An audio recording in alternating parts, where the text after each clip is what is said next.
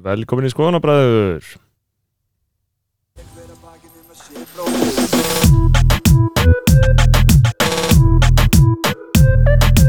Fyrir hver að bakið um að sé bróður eigi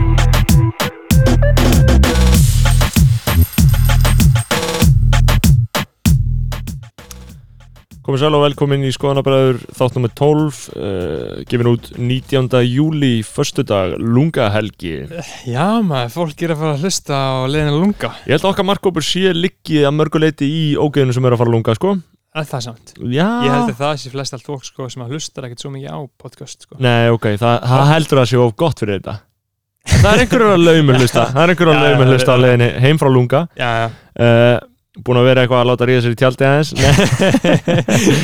Nei, nei, ég segi það nú.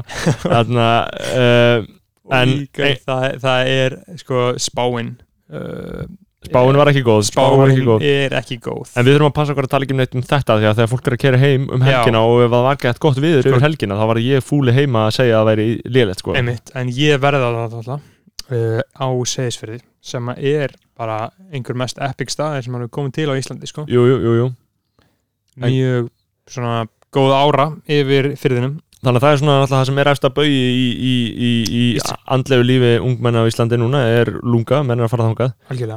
Óvenni margir, það er mjög margir að fara. Það eru allir sem ég þekki Einmitt. að fara. En hátíðin lifir af eitt ár enn af því ég er ekki að fara. Einmitt, uh, Á já. næsta ári þá er hugsanlega að ég nei. fari. Nei, Næsta ég ári- verði í Berlín. Nei, á, næ, jú, á næsta ári kemur þú Já, og þá verður hún ekki 2021 já ég er að segja, árið sem En ég fer verður síðast árið sko. Já. Þarna, uh, og það stóð til það, stóð til að þetta er því núna sko, en, en allt kom fyrir ekki. hlýðir Ég óska lunga förum til að mikið með það. þú hlýðir Östurlandi, einmitt. Uh, Hitt er það, við ætlum að hafa hérna, stuttan innganga þættirum Þetta er uh, einlæglega finnst mér þetta eitt fremsti skoðanabræðar þáttur sem ég hef tekið upp á Það- mínum ferli. Já, já, þetta var bara langbæsti þáttur sem við höfum tekið upp þetta var um, Þetta var nefnilega nákvæmlega sem ég vil hafa skoðanabræður. Já, þetta var Góður umræður Yfirveguð kritík á samfélagið og hvert við stefnum sem, sem, sem þjóð.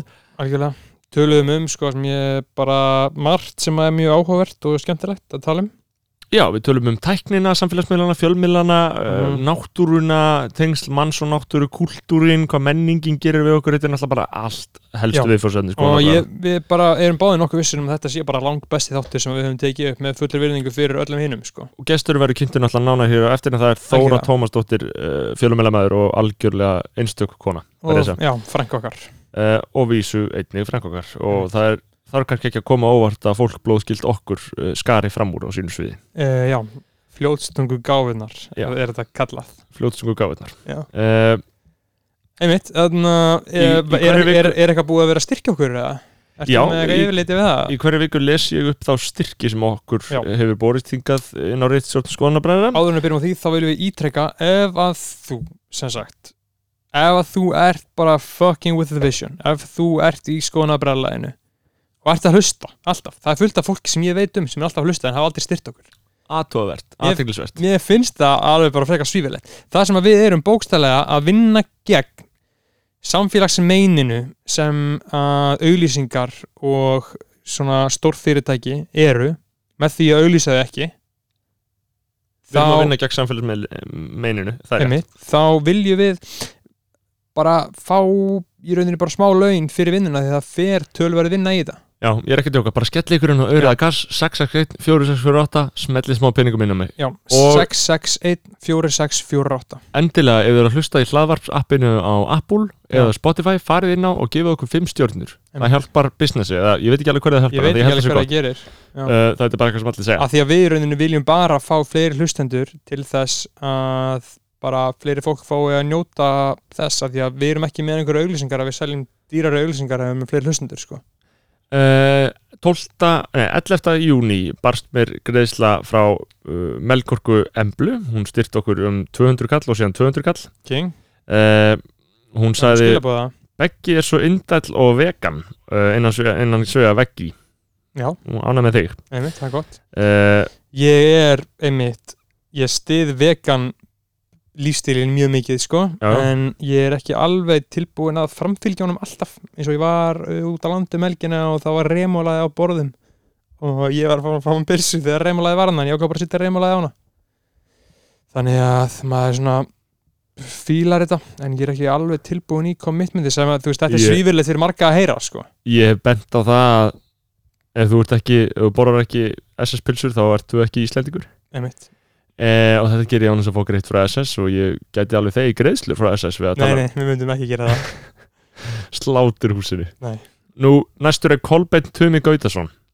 Styrkjur okkur, myndalegt engin Nei. skilabá, einfalda Engin gott. skilaboð, bara- stiðið við frálsef bara fjölmjörnum King Cash, já mástu ekki segja upp hæðina nefnum sér 200 það sagði ég um upphæðina þú sagðir upp hæðina hjá Melkorku. Já, það var 200 já. 200, Já. hún áða skili Já. uh, það var revisið við 2200 sko, en hvað Já. það uh, Gísli Jörgen Gíslason, aftur áður, takk kjalla Gísli. Við kunum að meta þetta, hann segir lengri þætti. Er í 8-6 vinnu og hefur ekkert til að gera. Mm. við á. erum, einmitt, ég, ég er bara trúið því að þegar maður sé svona fólk í úlingavinnunni að fólk í einhverjum viðinni að vinna einhverjum útivinnu það Já, er að hlusta já. sko. Ég var að tala við uh, Berglindi festivalvinkun okkar. Uh, hún er á lunga mm. og hún var að hlusta á skoðanabræður þegar hún var í einhverju uh, einhverju workshopi þarna bara hlusta á skoðanabræður og bara að gera einhverja sviðslistir Nei, nei, bara þú veist, smíði eitthvað helvits smíði eitthvað drast, skilur Einmitt. bara eins og fólk gerir á lunga, ég veit ekki hvað er að gera Gekja. uh, það var bara gaman að heyra, skilur og þetta sé á þessum vettvangi. Mm um, Kristjana Björk Bardal styrkir okkur. Og hún stýður auðlískaleysið kann að meta Einmitt, þetta. að, að, alvöru aðljóðsend, skilur Kristján Björk Bartur og saman leikskóla. Já, uh, við þekkjum hana. Mhm. uh, hún er skoðan að bræðurum að góðu kunn um, Egil Áskjörsson hlaðarpspenningur sko, hvað er maður að byrja? Já, Sko, DJ sem veit hvað er feitt speill hlaðarpspenningur, takk, þakka Peppi, þakka Peppi, Já. þakka Peppi. Bara speill speill er einn af þessum Reykjavíkur kongum Ég hitt hann að lögum og lögum daginn þú hittir speill þrísar í viku Já, sko. ég Ef hitt hann í lögunum svo djamminu Já. og svo, nei ekki, ekki djamminu, heldur í ræktinni. Já, ég var að segja, síðan hittir hann í gymminu og Já. síðan hittir hann á laugavinum Já. speill er einn af þessum mönnum sem er að halda Reykjavík uppi. Hann er einn af þessum bara borgarkapitúlum sko.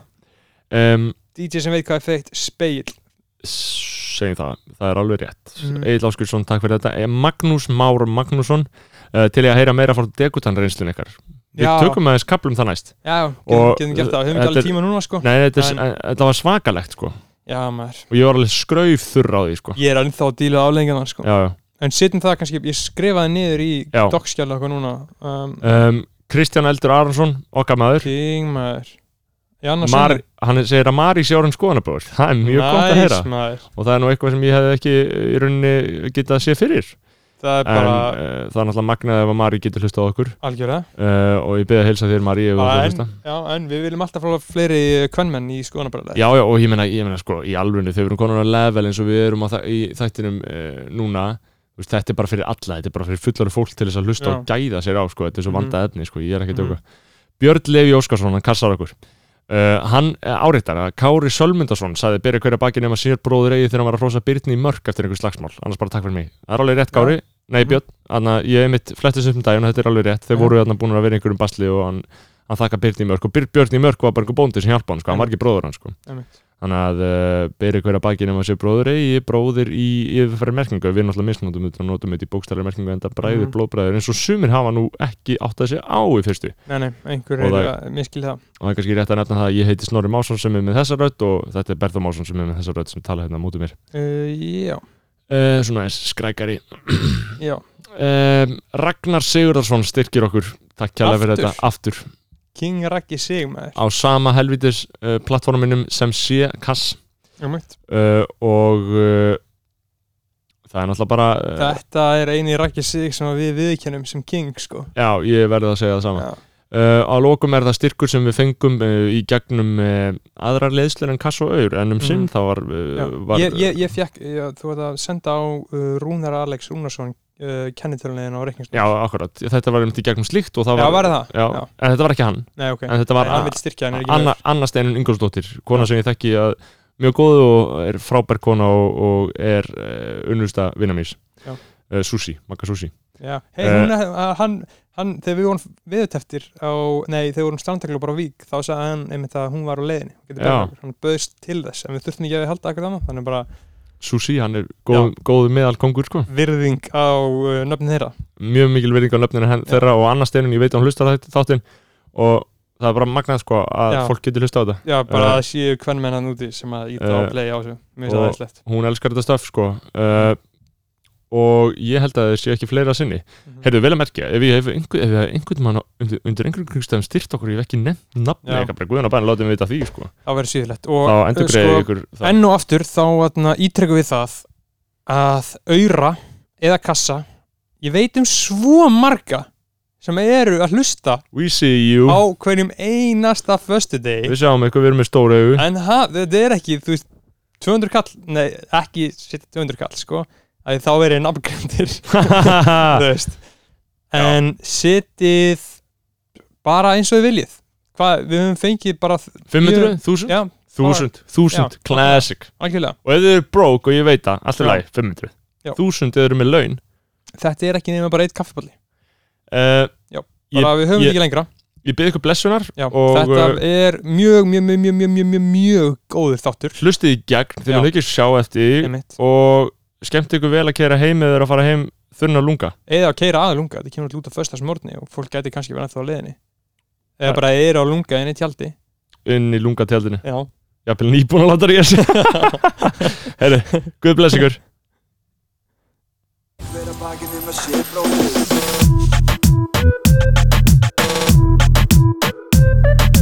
Hver að hver að bakið um að sé bróðir eigi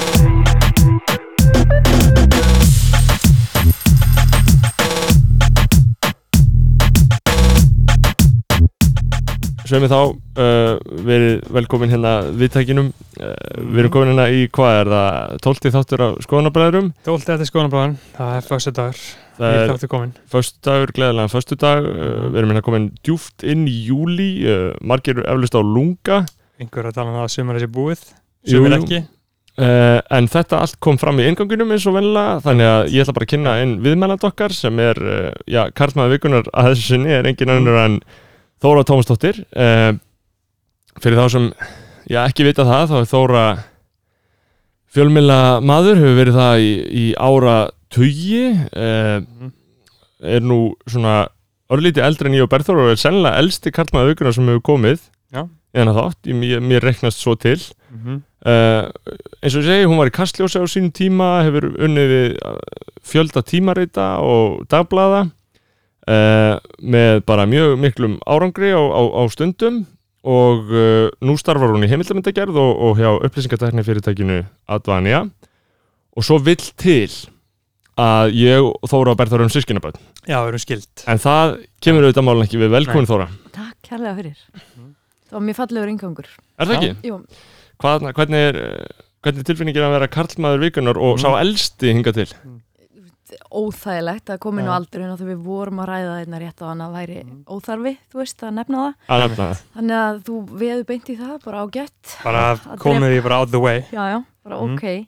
Já, já, Um, ég er að vera færtug. þú ert ekki svo gömul fættu Nei, nei. Ég er að vera færtug og þú veist, aldur er afstæður. Þú átt alveg góð 40 ár inni uh, Já, já, við erum heppin. þú ert heppin Já. uh, en þér nú nokkuð að eldast eða Mm, Ég held að þessi fyrsti, sko, vondi ammálstæðurinn sem er núna Já, í uppsiglingu Einmitt. og bara og til þess að einhvern veginn fara ekki í krump með það sko Mm. að þá held ég að maður verið fagnaði Já. þrjá, 30 var ekkert mál 30 lítur að vera Nei, lítið mál það, það stemming, það er bara töff sko, Já. og það er æðislegt Mhm. en það er eitthvað svona vegna þess að bara þú veist í gegnum tíðina þá hefur maður oft sagt svona já þetta er bara þú veist eitthvað 40 ára gammal kona þarna skilur Já, Þú veist, þetta er bara eitthvað 40 ára gammal maður bara þú veist, það sé einhver, einhver manneski með öldrunarsjúkdóm Já. eða eitthvað skilur en sko, já Já, það er svakalegt að vakna upp einn daginn og þú veist átt að segja á því að þú ættir að vera orðin fullarinn en ert Mhm. það ekki. Já, líður en þannig Já, já, ég Já. bara, já, Já. já, bara alla daga. Mhm. eins og að sé alltaf eitthvað svona bráðum myndi vera fullorinn Já, bara þú veist, meira eins og kannski bara, þú veist, ég á bann sem er 13 ára eins og þið vitið vel Mhm. en þú veist, ég þarf að fara á fóreldrafundi þar sem við erum að ræða alveg málefni og, og stundum, þú veist, þá eh, finnst mér það mjög skrítið, skilur, Já. því það er svo stutt síðan að, Já, að maður var sjálfur að gera allt þetta sem að ég er bara svo rættur um að mér væri alveg drullu sama um allt sem allir var að segja þú veist, alltaf þegar einhver fóreldrar er að tjá sig um einhverja áhyggjur og svona þá er ég alltaf bara, já, ok, þegar ég kem þangað þá mun mér ennþá vera jafn sama og mér er, mér er alveg sama hvað þið, þið eru að segja. Alveg mér sama. er mjög oft saman það sem fólk segir á af því að fólk getur tekið hlutna svo rosalega næri sér sko. Já. uh, en það gerir mann ekki að vondu fóreldri þó að maður, manni sé alveg sama um hver smáatriði. afgreðir pulsunar á vorháttíðinni skilur Einmitt. Uh, já, ég er náttúrulega myndi helst vilja hafa þetta bara alveg ammælisviðtal sko, það sem þú ert búin að segja nei við að koma í ammælisviðtal í morgunblæði til mín sko. uh, ég er svolítið búin að sjá um ammælisviðtalin sko. Uh, þú fara að skrifa minningagreinum í staðin Já, ég, já, djúvill minni hlaði eina minningagreinum. Já.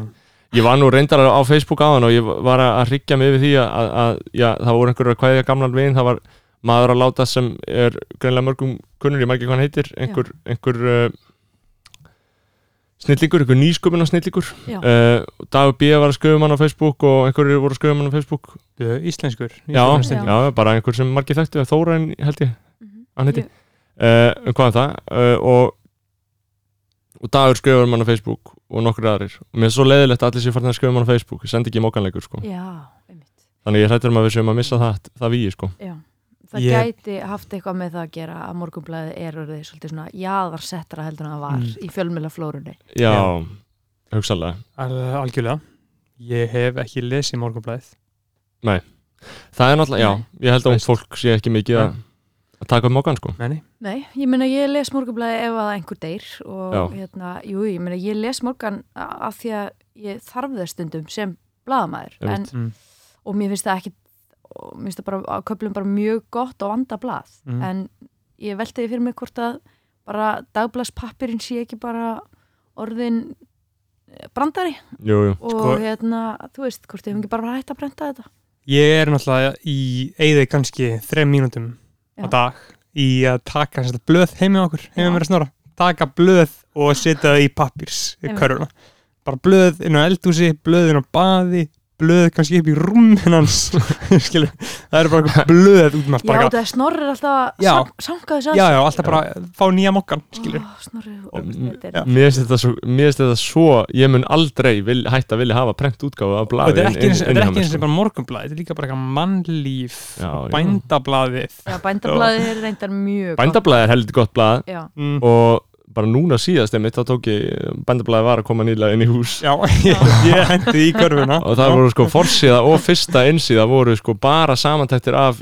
kjötsölu, Já. bara allar. Já, Mm. allar tegundir af kjöti sko. Já. og bændablaði er oft mjög skemmtilegt sko því fyrirsækna þar eru fullkóla grímulaus áróð stundum sko, Mm. það er bara mm. að þetta er náttúrulega bara í eigu bandasamtakana sko en, en enga síður þá er líka bara menningarumfyllun í þessu sem er kannski ekki alveg okkar Nei, nei, en ég, ég mitt las, las í þessu sko. Það var linkað á YouTube Það var svona, það var, skilur Já. YouTube, skástrík watch, skástrík ZX, L, Z, R, R, R, R, U, Já, skilur þetta er stundum gert Já. sko Já, þetta er náttúrulega geggjað Þetta er stundum gert líka í í mókanum, maður er svona, já, já, þetta, hef, þú hefði nú mátt gera, fara betur að. Það er alveg hægt Já. að skrifa, þú getur alveg að skrifa eina setningu sem er bara, googliði Já, þetta og þá fáið þetta upp, leitið á netinu, já. Uh, En ég held nú samt bara sem áður að dagblöðin séu bara ég, ég bara held í alveg talaðu sé að deyja og Mhm. færast á netið og já, bara, já, ég held að, og eina ástæðan fyrir að vera að prenta þetta en þá er svo að auglýsingaverðið er hærra á pappirnum heldur en eðna, á netinu og að það er svo brenglu ástæða ég, það er tildulega stutt síðan að ég var að rítstýra dagblæði já, já, prentuðu dagblæði, prentuðu dagblæði fréttatímanum, hérna Og- frá 2014 til, hvað, 2017? eitthvað slags Já. og hérna og ég ætla alveg að viðkynna að þú veist ég hafði ekkit endilega það mikla trú á því að prenta fréttunar á blaði. Ég bara skil ekki af hverju við ættum að gera það þegar við getum slefti.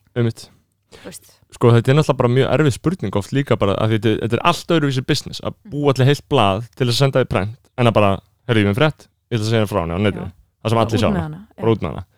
Uh, og það er stundum alveg þú veist, ég held náttúrulega líka hagsmunni líka að hluta því, í því að prentsmiðan er til já, já. uh, þar er Ég það held þessu líka líka bara eins og ég held að, ég held að bækur í bara sínu típiska formi verða ekki til eftir 20 ár sko Nei. það er náttúrulega ramt sko En þú, nei, ég held að það sé bara bókstaflega nákvæmlega sama eins og með geisladiska og vínildiska. Jú, þetta verður voða krútlegt, skilur, Mm. að eiga þetta einhver svona stemming, skilur, en það verður ekki basic að kaupa sér bók út í búð. Nei. Það verður svipað að kaupa sér geisladisk eða vínilspilara núna. Bara tónlist er ekki jafn svona um, svona hefðarbundin og rótgróin svona yðnaður og bækur þess vegna hefur þetta haldið svona mikið þetta bækur er svo gamalt og það er allir svo íhaldsamir sko. Svo nostalgist sko já, en bara, veist, tónlist breytist bara geisladiskur urðu bókstala bara útöður á tveimur árum Já, á brákvið, bara, bara eins og kassetan og vínillin og Já. vaffóðarspólan og allt það en þú veist, mér eru alltaf fundist sko bara hérna, það að vera berjast fyrir tilvist sko tímaritana og Mm. pappirsins vera bara eins og að vera þetta, Já. þetta, við þurfum ekki að gera þetta. Og meira að segja þá er þetta skadlegt Þú veist, við vitum það. Af hverju erum já. að gera en það er bara svo gaman að vera með stórt dagblæði svo það er ógæslega mikið böggandi. Ég, ég er svo spennt að fara til Þýskaland það er dagblæðin enn stærri sko. Þar eru þið bara, þú veist, tveir metrar eiginlega á lengd sko.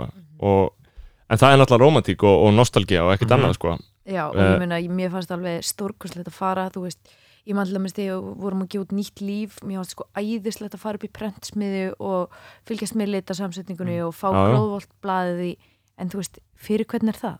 Svo, svo að starfsfólki geti farið og fundið lykt að nýprentum pappi. já, já, Þetta er ekki rök sem halda vatni, sko. ég var að horfa á þarna, þarna Babylon Berlin um daginn góðan þátt sem ég mæli með að allir horfa á. Og þar var svona uh, einhver valdamaður og hann var með svona þjónustúlka heima á og hann fekk blöðun á morgnana. Og hún straujaði blöðin á þeir hann þurfti að lesa við kaffibóra og þess að ég vil lifa allt svona. Ég vil einhver strauji blöðin að ég að Já. Hann er borða morgumátt á morgnana sem gerir náttúrulega ekki Engu góð þjónustustúlka færið er Mhm. þetta ströðað. Já, já, eða þjónustu drengur uh, Þannig að ég, í, sambandi við, í sambandi við þetta þá, þarna, og að því við erum náttúrulega að tala um fjölmiðla og við tölum mikið um fjölmiðla í þessu hlaðvarpi uh, en það eru við fjölmiðl og ég er rittstjóri hans Einmitt. uh, Ég er Er að- þú rittstjóri? Ég er ritstjóri, hann, hann er sko, sko. hann fær að eiga þann titil og þá þarf hann sem sagt, að skrifa textan um þáttin Já, og að klippa þáttin saman og setja hann inn ég er Þetta er svo lýsandi fyrir eitthvað bræðarsamband Þannig að er- snorri sér rittstjóri þetta er mjög þægilegt fyrir En mig Berþór er auðlíska og byrtingastjóri og. Og og pluggar. Já, en við höfum alltaf ákveðið það að við erum andkapitalísku þáttur og við auðlýsum ekki sko. Akkurat. við bara reyðum okkur á stuðnings er frálsum þannig að mitt starf er svona nokkuð þægilegt. Ég tek meira þess að líka við fjárgjöfunum Já, og sísla með þær. Já. Já. uh, en uh, ég veit að þetta er leðilt umræðefni en Trump uh, hann hefur verið að mynda tannar fó á fólki í vikunni. Já, og það er ekkert sérstaklega það sem ég vil ræða. Ég meina það er bara auglust svona einhver taktur sem er að hefjast til honum í, í aðdraðanda Mhm. kostningabaratu það sem hann er að keira meira inn á hvíta kallinn held ég að þetta sé þessi nýji rasismi sem ég veit ekki hvort það hefur séð þið sáðu það jú, jú, ég sá, þegar hann sagði þarna fjórum þingkonum uh, að Mhm. fara bara aftur til síns heima eða um, líka ekki bandaríkin Mhm. og þær eru náttúrulega allar þrjár af þessum fjórum fættar í bandaríkunum Mhm. um, en uh, hann til dæmis uh, og í sambandi við svona blöð íslensk uh, það hafa svona einhverju íslenski fjölmjöla fjallað um þetta en haldið þið ekki að þú veist, þeir sem hafa áhuga á erlendir pólitík lesa er ekki bara erlenda miðla um þessa pólitík Já. Ég myndi alltaf halda það sko Já. En síðan er einhver rök fyrir því að íslenski meira fjalla um þetta Er það ekki? Já, þetta er eiginlega bara svolítið flókin barátta. Ég meina, einu sinni þá þjónuðu fjölmiðlar öðru hlutverki. Mhm. Þeir þjónuðu því hlutverki alveg bara fram á fyrir stuttu, bara fyrir innan við tíu árum, að upplýsa fólk og hérna, og það þjónaði svona almanna varnar hlutverki. Ríkisútverfi var í eigu allra vegna þess að, að það þurfti að halda þjóðinu upplýstri um vá, Mhm. utan að komandi vá og, alls Ja. konar. Meðal annars var það hlutverkið. Núna er þetta ekki þannig. Þú velur þann fjölmiðl sem þú vilt lesa sem samræmist þínum eh, skoðunum og, og sem að þér vist þeirra trúverðugt og sem þér vist þeirra þess vegna er, finnst mér alltaf svolítið flókið, þú veist, eiga íslenskir fjölmiðlar að fjalla um erlendmálumni e, þú veist, þeir fyrir mér þá er það mjög nöðsilegt að við gerum það ennþá en það er ekki til þess að upplýsa fólk um það sem það getur ekki þú veist, ef, ef að hérna e, kýmverum og bandarækjum lendir saman þá ertu ekki endilega að lesa fyrst um það á, í, í íslensku fjölmili en þú getur hins vegar e, með sérþekkingu sett hlutina í samhengi. Við sjáum hérna populisma að rísa á Íslandi, sjáum aukna hérna, einhverja þjóðurnisvitund eh, eða þjóðrembu, við sjáum bara, þú veist, og að sama tíma eh, þú veist, globaliseringuna og bara alþjóða nattvæðinguna þú veist, þetta er að rísa á sama tíma og þau mál sem við skoðum á Íslandi verðum að setja í samhengi það sem er að gerast þannig að það er ekki hægt að einangra okkur og fjalla bara hennum uh, þú veist, það sem er að gerast á söðakróki lúsmíð já bara lúsmíð eins og það hafi ekkert með heiminn að gera. Þú veist, Mm. mér finnst þið mitt hlutverk blaðamannana vera að setja hlutin í samengi bara konstantli, bara ok, hvað þýðir það þegar að Sigmundur Davíð fyrir að daðra við einhvern svona hérna þe- þennan tón sem við heyrum Mhm. í, í þessum populísku hérna, flokkum út í veist, við verðum að setja það í samengi við eh, þessa bylgju, skilur Mhm. Já, sko, ég, ég, einmitt, ég er alveg sammála því að, að, að einmitt, sko, uh, það er mjög viðegandi ef að íslenski fréttamenn skrifa góðar fréttaskýringar og, og einhverja svona útskýringar á því hvaða hreyfingar eru þarna og hvaða áhrif þetta kann að hafa svona í stóra saminginu, en einmitt sko að vera með einhverja svona beinagrinda fréttaveitu finnst mér ekkert endilega nöðsyn eitthvað svona, Mm. Uh, þessi kosin þarna, þess, kostningar þarna atkvæði í Nígeríu, þú veist Íslendingar lesa þetta ekki. Þeim er alveg drullu sama um kostningar í Afríku, en samt eru alltaf saðafrættir þeir Mhm. og það er að hluta til að þeim er að haldi þetta, við verðum að segja frá þessu, skilur uh, en að það er kannski að því að eimur ennþá af þessu, veist eh, það Já, já. eru mjög margir íslendingar sem lesa bara vísu og, og mokkan og MBL, rúf, skilur, eitthvað svona bara emitt og láta það duga sko. láta það duga og er og að að sökka það er svona þetta hliðvörslu hlutverk að einhverju leiti að við þurfum að koma þessu eða svona, eða svona upplýsingar hlutverk að koma þessu áleiðis en Mm. síðan er líka þú veist uh, uh, bara einhverjir sem tala um að þetta hafi alltaf orðið miklu verra með tímanum skilur að núna, þú veist, að því að einu sem var alltaf bara fórsíða mokkans var bara þannig til um aldamótin þá var hún bara erlenda fréttir bara. Já. nema það bara var, gos, var í gósi eigum sko. Og einhver var að tala um það í pistli á Rúf Halldór Armand Já, uh, uh, sem margir lofuðu mjög sko og hann var að tala um hvað þetta hefði hvað það væri tákgrænt fyrir það hvernig Íslandika verið búin að missa áhugan útlöndu sko. En ég held bara því, því, því, því sko alveg síður sko, ég held að fólk séu áhuga samar um útlöndu en það er bara að lesa það á erlendu miljum sko. Það er bara já, þú veist, það eru e- einn hluti þjóðarinnar eða ekki einn en, en hérna, hluti þjóðarinnar er kannski meira einangraður og annar hluti er opnari. Þetta er bara það er eiginlega það sem hræðið mig mest. Það er bara polarisingin það er bara hérna mér finnst því svo bara fólk sé að verða ólíkara heldur en það var, skilur Mm. það, eru, það eru meiri öfgar, það eru jaðarinn á hérna, pólunum í stjórnmálunum eru, er að færast lengra og lengra út og jafnvel í ring og mætast já, þar sem að, stutt á milli mestu aukana já og mér finnst þetta að vera bara veist, það að Erlenda frétti sig ekki lengur á fórsíðu morgunblæsis er einfalda bara vegna þess að að fólk sækir þær á já, erlendum meðlum já, ég held það sko. Þú le- lest miklu gáðilega hluti en, en samt svona polarisering, jú, jú, við erum alltaf að tala um þetta við erum alltaf að tala um að, að, að sko gjáin sé að vera meira og meira á milli fólks Mm. en samt er náttúrulega, erum við alltaf eða þá manneskjur, skilur, ég og bara samstagsmenn nýra morgunblæði Mm. sem eru einarðir andstæðir, andstæðingar Evropasambandsins og, og vilja helst bara segja svo úr Európsku efnaðarsvæðinu til dæmis. Aðrir eru það alls ekki og aðrir eru Európusinnar en þetta fólk, við erum öll bara fólk og vinnir dagstæðlega sko.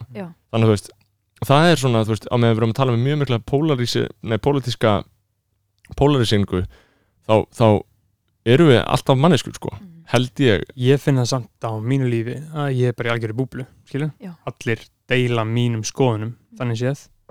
Ég þekki engan sem að er eitthvað að svona flörta við, þú veist. Við allt rætt Já, við allt rætt feelingin, sko. Nei. Eða engan sem er að flörta af viti, Það er alveg einhverju sem að sér alveg, já, ok Þú með svona, þú hefur fengið einhver áhrif einmitt.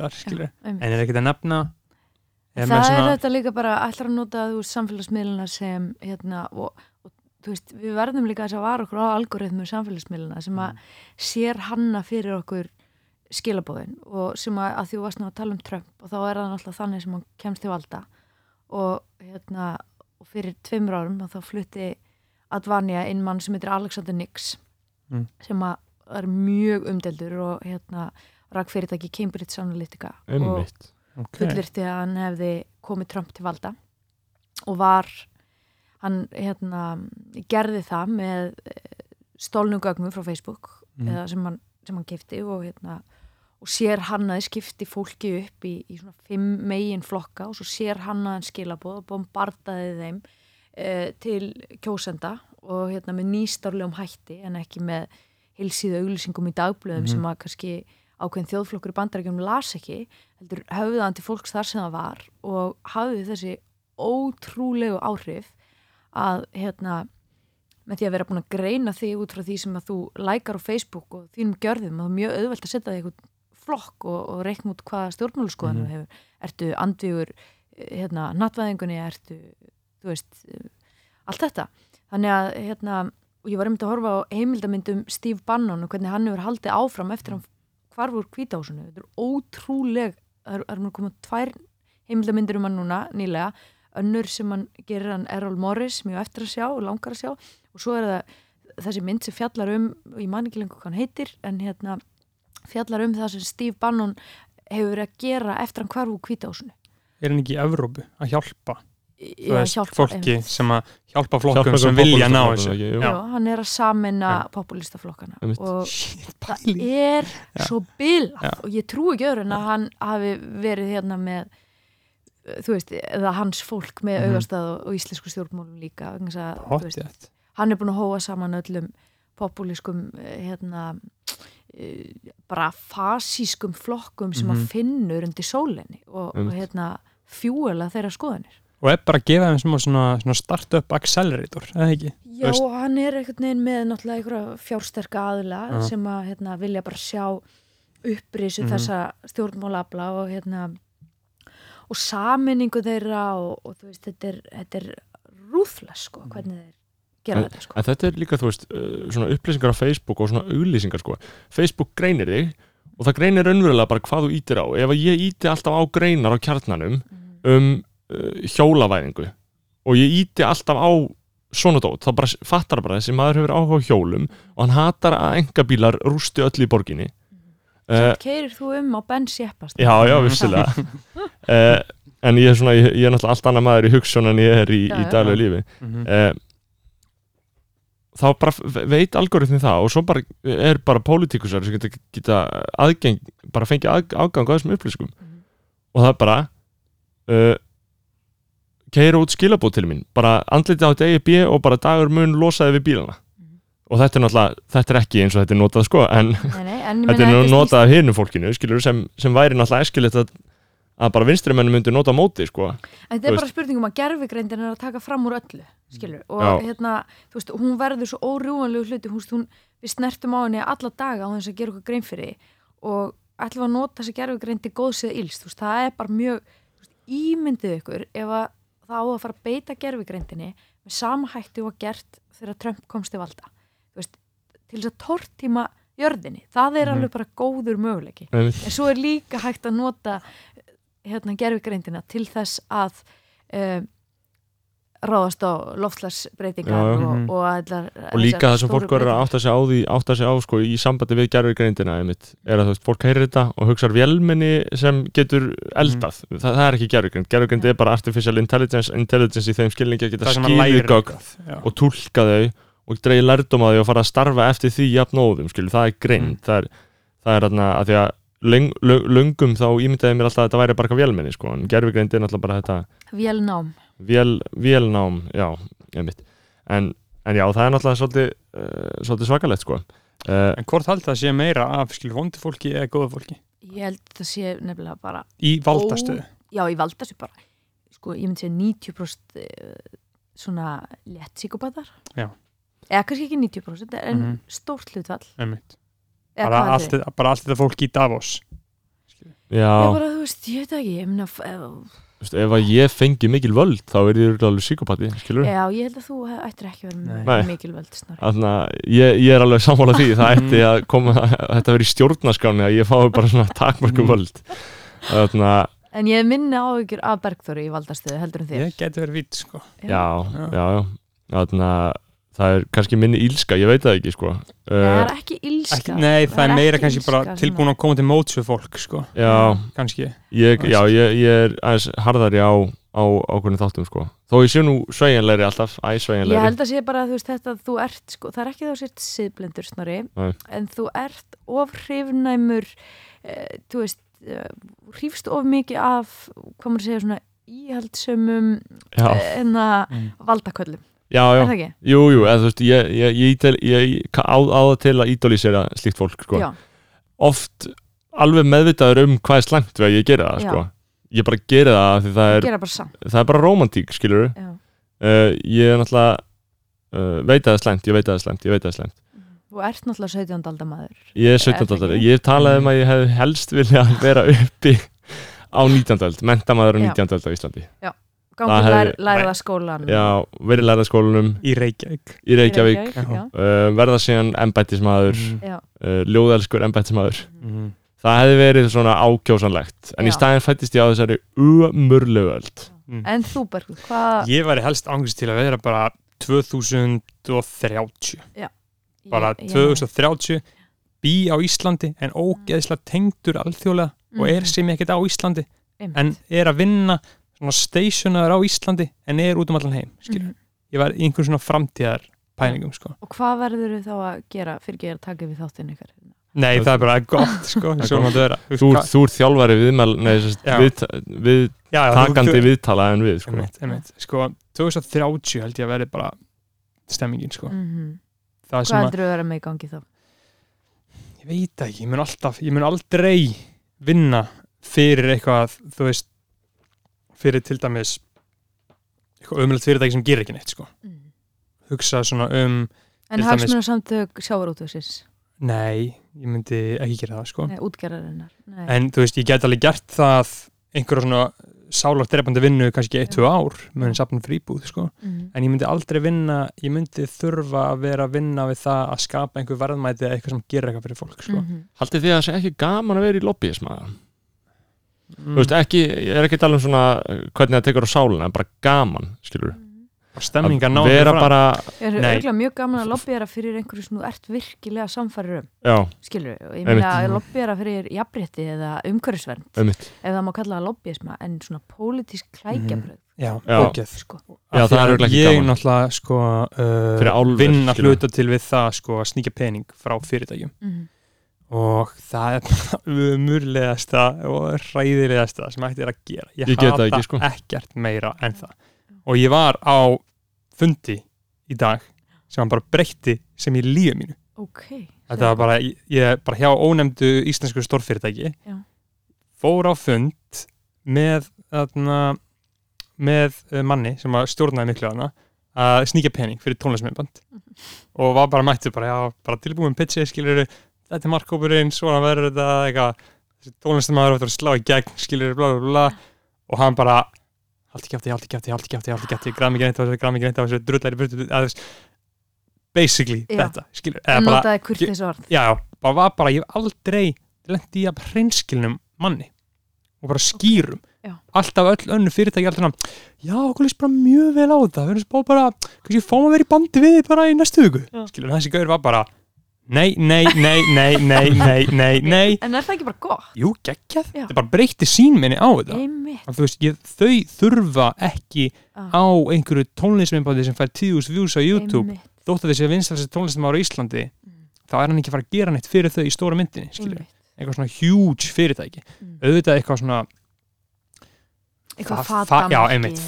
fatamerki fær einhvern í eitthvað, Veislumerki. það virkir að gera eitthvað Mm. en hann var bara að segja bara, sendt hérna auðlýsing á rúf og Já. fengi bara niðurstöður strax. Já. eða ég get eitt meiri pening í ykkur Mhm. og öruglega ekki grætt neitt því, einmitt. Kannski. Og þið mun öruglega svíkja mig eins og allir sem að gera tónlistum vil gera og kenna því um að það hafi ekki passað inn í. Aha. skilur hvað ég meina? Þetta er bara algjörlega Ah, já, þetta var bara góður gaur sko, að við hörðu neitun, skilur Mhm. en ég bara lærið mikið af að fá svona reynskilin, því að alltaf er alltaf bara svona, já, þetta er bara flott hjá ykkur, já verðum við í bandi og síðan baktalaði þetta einmitt, skilur, í staðið fyrir að segja þetta bara beintið mann. Nákvæmlega. Reynskilni digð sko. Mm. reynskilin er snild sko. Og það er sko það sem að uh, er vantar mikið svona íslenskt menningar viðskiptalíf Mm. er stjórnað af að það er engin reynskilin Mm. það er brjálu meðvirkni. Einmitt. Aldrei neitt á hreinu neinstaðar og það er ástæðan akkur þetta getur ekki komist upp á eitthvað norst, danst, sænst level þótt það sé náttúrulega miklu færri en það er bara út af því að það er allir svo vanið í að einhvern veginn winga allt já, bara svona, eh, sjá til. Alltaf sé öðruvísi á Já, Norðurlöndum. right. þú þekkir, þú þekkir Noreg Þóra hefur Já. unnið það mikið? Já, ég hef ekki mikið en ég hef þú veist, ég, að búa í Noregi örglega í 13 ári eða eitthvað, ég man ekki hvað, 10 ár samtals og verið í háskólanámiðar, grunnskólanámiðar gaggó eitthvað eflu og unnið hana í kvikmyndagerð og sjónvarsgerð og en ég held að það er jaðarbransi skil. Mhm. það er ekkit fólk sem er eitthvað office hours og einmitt samt meira heldur en hérna Mhm. en þú veist ég veit ekki, einhvern veginn hafa svona laga og þeir eru alltaf svo næs ég gleymi Mhm. mm. alltaf, að það kemur alltaf óvart þegar, þegar ég kem ánga líka því ég er að vinna með normunum í, hérna hjá fyrirtækjum sem ég er að vinna núna Mhm. Advanja er með stórt útibúi eða er með útibúi í Noregi og þar þú sem ég heimsáttu daginn og það er alltaf bara, já, það er hugulegt að sjá þig. Já, mm. og maður bara, ha, hugulegt að sjá mig? Ok, já, sæll, þú veist. Góðan daginn, myndur kannski segja hérna þú veist, já, en þetta er svona þú veist, þannig að það er allt svona viðmót er mjög svona vingjallegt Mhm. en þú veist, ég veit ekki hvort þeir eru svona, mér finnst það oft Íslandinga meiri brútalistar í Mhm. svörum bara, nei, veist, við græðum ekkert á sig mér finnst Já. það íslenskara heldur en norst sko. Mhm. finnst uh, mér finnst Ég- það bestu yfirmennindi sem ég hef haft er bara fólk sem bara heyrðu þetta gengur alls ekki þú verður að, þú veist, bara Þetta þú er verður að laga þetta bara þetta er ekki nógu gott og kóta bara með þetta aftur til mín einmitt af því það er bara annars ef, ef ég þóli ekki fólk sem brosir á mikið til þín Mhm. Já. eða hlægir svona stresshlátri yfir því sem hún segir við það eða það er eitthvað vandamál bara "Æ, æ, æ, ekki núna, ekki, þú veist, vill Já. bara fresta þessu skilur, í staðin fyrir bara þetta er staðan, svona er þetta þetta þarf að gera til þess að ræta þessu. Já. en það er bara, eh, nei, í þeim Einmitt. spurtu. En sko sem ég er aðal, aðal að tala um sko eins og í Noregu, Svíð og Danmarku skilur þar er þessi svona kapitalíska maskína, skilur hvað meina. Eins og er á Íslandi í þessum stórfyrirtækjum. Til dæmis bara uh, Víulfell gefur út nýjan drikk, skilur getur bara að setja út um allt bara kveikir á maskínunni er bara með kannski 5-10 manns í einhverju markasteld Mhm. einhverja tvær auglýsingastofur og bara kveikir á einhverju maskínu og bara allir vita þessu og þetta bara gerist skilur. mér finnst það vanta ekki endilega vanta en það bara er ekki til staðar í svona íslenskum tónlistar og svona Instagram, eða ekki Instagram svona íslenskum bara skemmtarabransa sko. En þetta er líka bara, þetta er líka bara liður í því þeirri ömurlegu staðarind að við erum svo hræðilega að fá við erum Já. svo hræðilega fá sko. við erum Svo svo viðbjóðslega að fá. fá Mhm. við þurfum í- 300.000 sko. Já, Já. ég var í hérna, tímann í hagfræðikurs hjá Ágústi Einarsinni og eh, hann sagði að þú veist, það sem Ísland þarf til að satt allt svo í mér að því að mér finnst alltaf svo gaman þegar kennarir eru með eitthvað svona klikkar hugmyndir Mhm. að því að hann var ekki að djóka við þurfum svona miljón einu hálfa Einmitt. Og bara hleypa hérna inn bara kynverjum eða einhverjum sem að þú veist er mikið af og hérna bara taka við fólki, tekur svona þrjár kynnslóður að integrera þetta. Eða svona að skapa eitthvað sátt og svona Já. fara ekki allt í eitthvað eitthvað fokk sko en við þurfum það alltaf að vera sjálfbær þjóð. Og þú veist, þú segir að ef, ef við værum einu hálf miljón þá erum við samt færri heldur en alla Norðurland þjóðunar mm. við erum, flateyri getur aldrei verið sjálfbær eining þú veist, eða, eða eitthvað þú veist, það þarf alltaf að vera hluti af einhverju stærra Mhm. og Ísland bara stendur ekki undir sér veist, það eru allir frændur, það eru allir frængur nálaðavandin er allstaðar hann er í löggæslunni, hann er í Mhm. barnavendinni hann er í skólakerfinu, hann er í fyrirtækjunum þú veist, og fólk er bara unprofessional af því það er allt vinir þeirra, Mhm. veist, og það er þessi stærðin í kannski bara Norðurlöndunum Mhm. er svona, þú skrælir þetta í burtu þá verður farðu aðeins helbriðara atvinnulíf Mhm. Já, já, við þurfum það líka fyrir sko bara, það væri líka gott líffræðilega sko, blanda, Já, blanda kyninu sko. Uh, Haldið að Íslandingar séu, þú veist, með einhver svona einkenni úrkynjaðir? Já, ég held að Íslandika séu úrkynjaður já.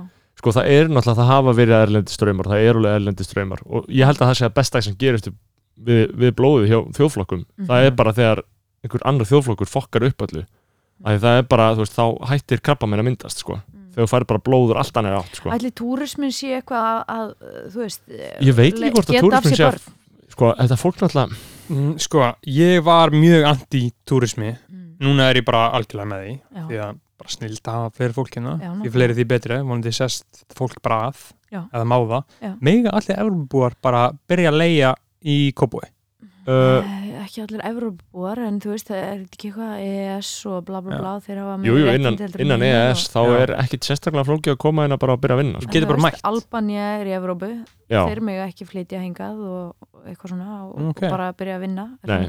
Nei, ég, ég þekki það ekki alveg meina, ég, en ég, ég þekki Mikið sem af- hafa mi- mikið albunum sko á Íslandi ef að fólk fær einhvern veginn atvinnulefi þá getur það bara að byrja að vinna sko. en það er allt annað þegar þeir eru að koma utan Evropu þá er það bara Mhm. mjög lítill sens eh, það er samt bara eins og spánverðar það getur alveg komið hingað en vandamáli við þetta og eina sem ég sæi er náttúrulega aðtóðast við eh, mikla innflutninga fólks eru náttúrulega bara það er ekki kultúr fyrir því á Íslandi að, að, eh, að læra tungumálið um lög og kemur Mhm. og það myndi fokk upp íslensku og það myndi fokk upp íslensku, ég held það sko ef það við er myndum bara verið sem við þurfum að borga fyrir þetta sko. já, já, eða þá að það er verið Já. sem við þurfum að borga sko já, það er svo fucking nice það Það- er komið miljón Ég held- það Ég held nú samt og það að er bara þið- stemming á Húsavík stemming á Suðurlandi En já. er ekki, það er talað um að það séu sjö ferðamenn á hvert mannsbarn á Íslandi á ári sem Ísland- koma þetta ári, Já. á ári já.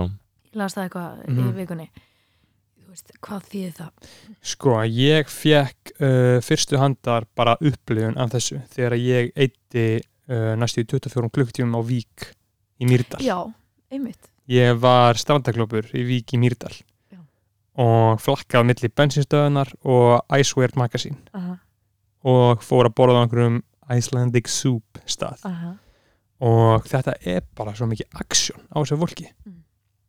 þetta er bara allt morandi í þessu Og ferðin í krónuna og Já. þú ert að axla þig til að Já. komast áfram það er svo mikið af fólki á það Suðurlandi er sturla með þetta sko. þetta er Það bara, eru bara- rosalegt veist. En samt límir eins þegar þú ert út að labba því að hann var, var mjög vant viður hann var ekki núti maður tók ekki eftir þessu. Síðan labba maður inn í krónuna í Viki Mýrdal eða Icewear Magazine. Og það er bara eins og það sett, er bara tróðfullt það er bara eins og sett mættur í grunnbúðir Everest. Já, Já, það er en bara- þetta er eitthvað svo mér finnst þessu vík í Mýrdal þetta er eins og fannst mér að rosalega fallegu staður og þetta er Mhm. náttúrulega landfræðilega stórkostlegt já, já, þetta er magnast það drangarnir og allt það en sko, kirkja. hvernig er hægt að spila svona úr túrisma Mhm, þetta er bara eitthvað BSI að keira hann í gegn mhm. þetta Þetta er bara er þarna hræðilegt. sko það er bara Mm. búið að reysa einhverja lengjur á einhverjum hérna, dollarasjúkum ferðamannastöðum Já. Icewear bara Já. fyrir allan penningin e, Mhm. æsver og svo einhver svona eining einhver viðbjóðsli einingahús einhver, einhver hótel fyrir morðfjár en það er ekkert að frétt Nei, nei, það er ekkert annað það er einhvern veginn Ég- Þú veist, ég reynisfjara er hann handa við hotnið sko ég reyndar hann áttalega fína dag ég lappaði út á dröngunum. Já, það, það, er það var alveg stemming sko. Og síðan fór ég á einhvern súpustað sem að var bara frekar gott sko. Ok, ég er bara, þú veist, ef þú færð fría áfyllingu á súpu og brauði, já, það er bara eiginlega mest snilda máltíð sem ég veit um, Já. sko. Borgar 1300 kall frí áfylling. Bara eins mikið og bókstara vilt fjóru diska já, minnstu kosti sko, fjóru diskar og þú veist, standi upp fjóru sinni til að fá meira brauð, skilju en vík í Mýrdal sko, nei takk nei, þetta er ekki þetta er ekki góð staður, En á sko sama tíma, þú veist, það er komnir innviðir, skilur, það er bensinstöð Já. þarna og, þeir selja öll að sokka og þú veist, fyrir fólki sem er á leiðinni inn í Þórsmörk og veit ekki hvað Mhm. Þórsmörk er Mm. og þetta er hérna staður sem að þarf að vera þarna því að við viljum ekki sjá nei, nei, á austfjörðum það væri bara hættulegt, sko. Það er bara hættulegt, já Mhm. við þetta bara þarna á flatlandinu, þú Já. veist, og höldum fólkinu bara undir eiga Suðurlandi er mjög gott í þetta sko Já. Já. Uh, Þetta er eini staður sem ættir að hafa svona, þú veist, massan Sko að því við erum að tala illa um aðna, ferðamennskuna, þá var eitt sem að mér lengi til langar til að ræða og koma svona út í kosmosin er af hverju hefur BSI ekki verið uppgjert? já, ég hugsaði um þetta hús? Hug- Ógæst, hugsaði um daginn sko bara mesti við, bara grátt, Já. rúmt, miklað. Þau eru ekki búin að uppfæra logoið. Bara, já, bara síðan kannski En á- er 1960. ekki eitthvað- á ekki eitthvað að gera eitthvað spítalinn Það er Landspítalanum, ég veit ekki. eitthvað, þetta er einhvern veginn gæti alveg verið að þetta sé bara förum já, en þetta er- það hlýt- það hlýtur að vera, sko. þetta er furðulega niður grotnað Já, þetta er bara, þetta bara niður nýtt, þetta er bara já, ógeðslegt og þetta er að fyrst sem túrist að sjá þegar þið komið til Reykjavíkur. já, það er endur alveg rétt Þið sjá bara þessa viður styggilegu byggingu. Þau er að leita þessu. Þau vilja koma í þau vilja koma í pláss eins og Viki Myrdal og ég held ekki, sko, Ég- það vil enginn. vera Hellu. já, hella er annað sko. Herru, ég fór að hellu um daginn. Já. ég var að kæra með Jakobi Birgisson vinni mínum. Og uh, við mitt bara hnutum þegar þið fengu tjaldið lána já, það var í þeirri ferð. Mhm. við hnutum um uh, merkingu utan á krónunni. Mm. Og það stóð bara krónan discount store og já, já, þau veit að öllum er alveg saman þetta Mhm. en samt Já. ég hef verið í huglega að taka þetta upp og tala við forman íslenska málanendar sem er reynda Guðrún Karan einmitt sem ég tekið viðtal við sem var, varð umdelt um, og þetta á að vera ólulegt sko. ég er ekki alveg búin að kynna mér hversu ólulegt er en að standi bara discount store og þegar þið eru að tala um að það sé bara ellu fylgifiskur að enskan taki þetta yfir þá er þetta svolítið til margsum Við erum það. ekki að segja eðlilega fylgjumskur en þú veist, ég er tilbúin til að fórna því til að vera ekki 300.000 en veistu hverju þú fórnar þá? Guðrún og Karan, mögulega. Það verður Guðrún Karan njálu upp á spókinniðinni. Já, já, En Bara ég var reyndar í, inn í krónunni í Vík og það var allt mert á íslensku sem komur óvart. Já, hvað, vörunar? Nei, bara eitthvað, þú veist, bara eitthvað sósa og bönir skilur, Já, það er nú eins fucking Já. gott. Sem það komur bara virkilega óvart af því að ég var bókstila eini íslendingurinn að þinni af um það vil 350 manns. Þá fyrst færi ég nú á staðin ef það væri konar merkingar inn í inn en ég, ég er alveg samanlega sko. Mér finnst ekkert ógeðslegara en þegar fyrirtæki er eins og bara Cheeto Mexican Grill. Já, af hverju ekki Cheeto Mexicoast Grill? Einmitt. af Það er hverju? eitt, eitt sem að hérna, eða, það er einhvern tvent sem ég er ofta að reka má sem fer rosalega töðunar mér með Mm. að ég, mér finnst mjög gaman að lesa góða íslensku og mér finnst hræðilegt hvað, hvað bara Mm. ungt fólk er að verði illa skrifandi á íslensku. Til dæmis er allir farin að senda stóra stafi eins og um ennsku að ræða. Ég, hérna, ég þetta all daga bara sem starfstitlar. Þú veist, fólk er að tala um hérna á markaðsviði, þá er það allir komið stóru emmi og ég er framkvæmdastjóri með stóru effi og það er að drita hérna stóru stöðum út um alla trissur sem á, á ekkert erindi. Mhm. það er eitt og síðan er það einmitt svona að sleppa því að beigja hluti. Það bara nefnifall alltaf. Bara hérna, getur rétt með pizzasósuna?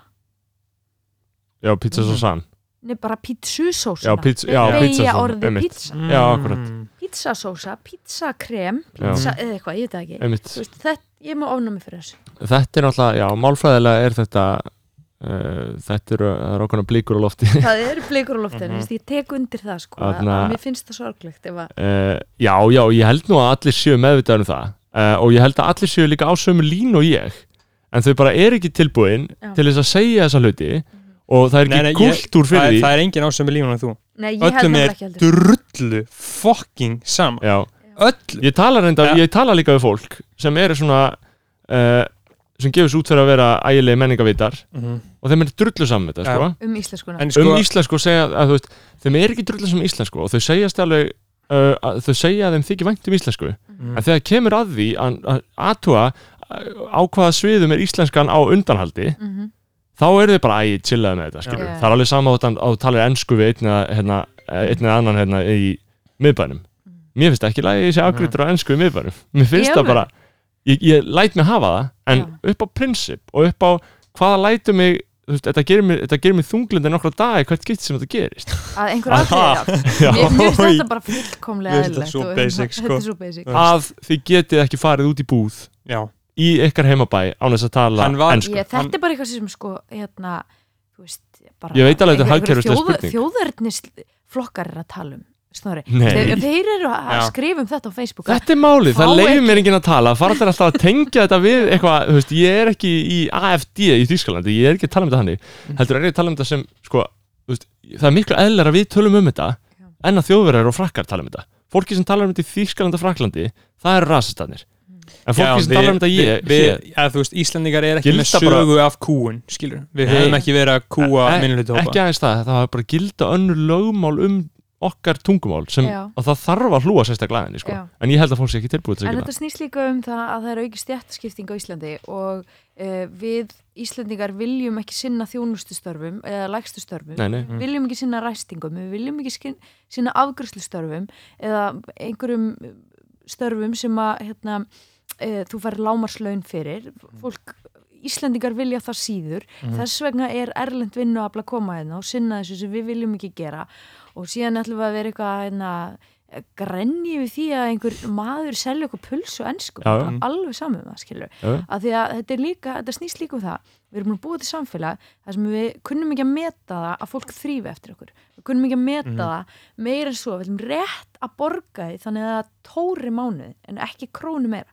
Sama gildir um sko leikskólana sem er erfitt að manna þú veist, elliheimilin umönnastörfin, þetta eru bara útlendingar sem sinna hérna, þessu störfum af því að við erum bara þú veist, við viljum þetta ekki.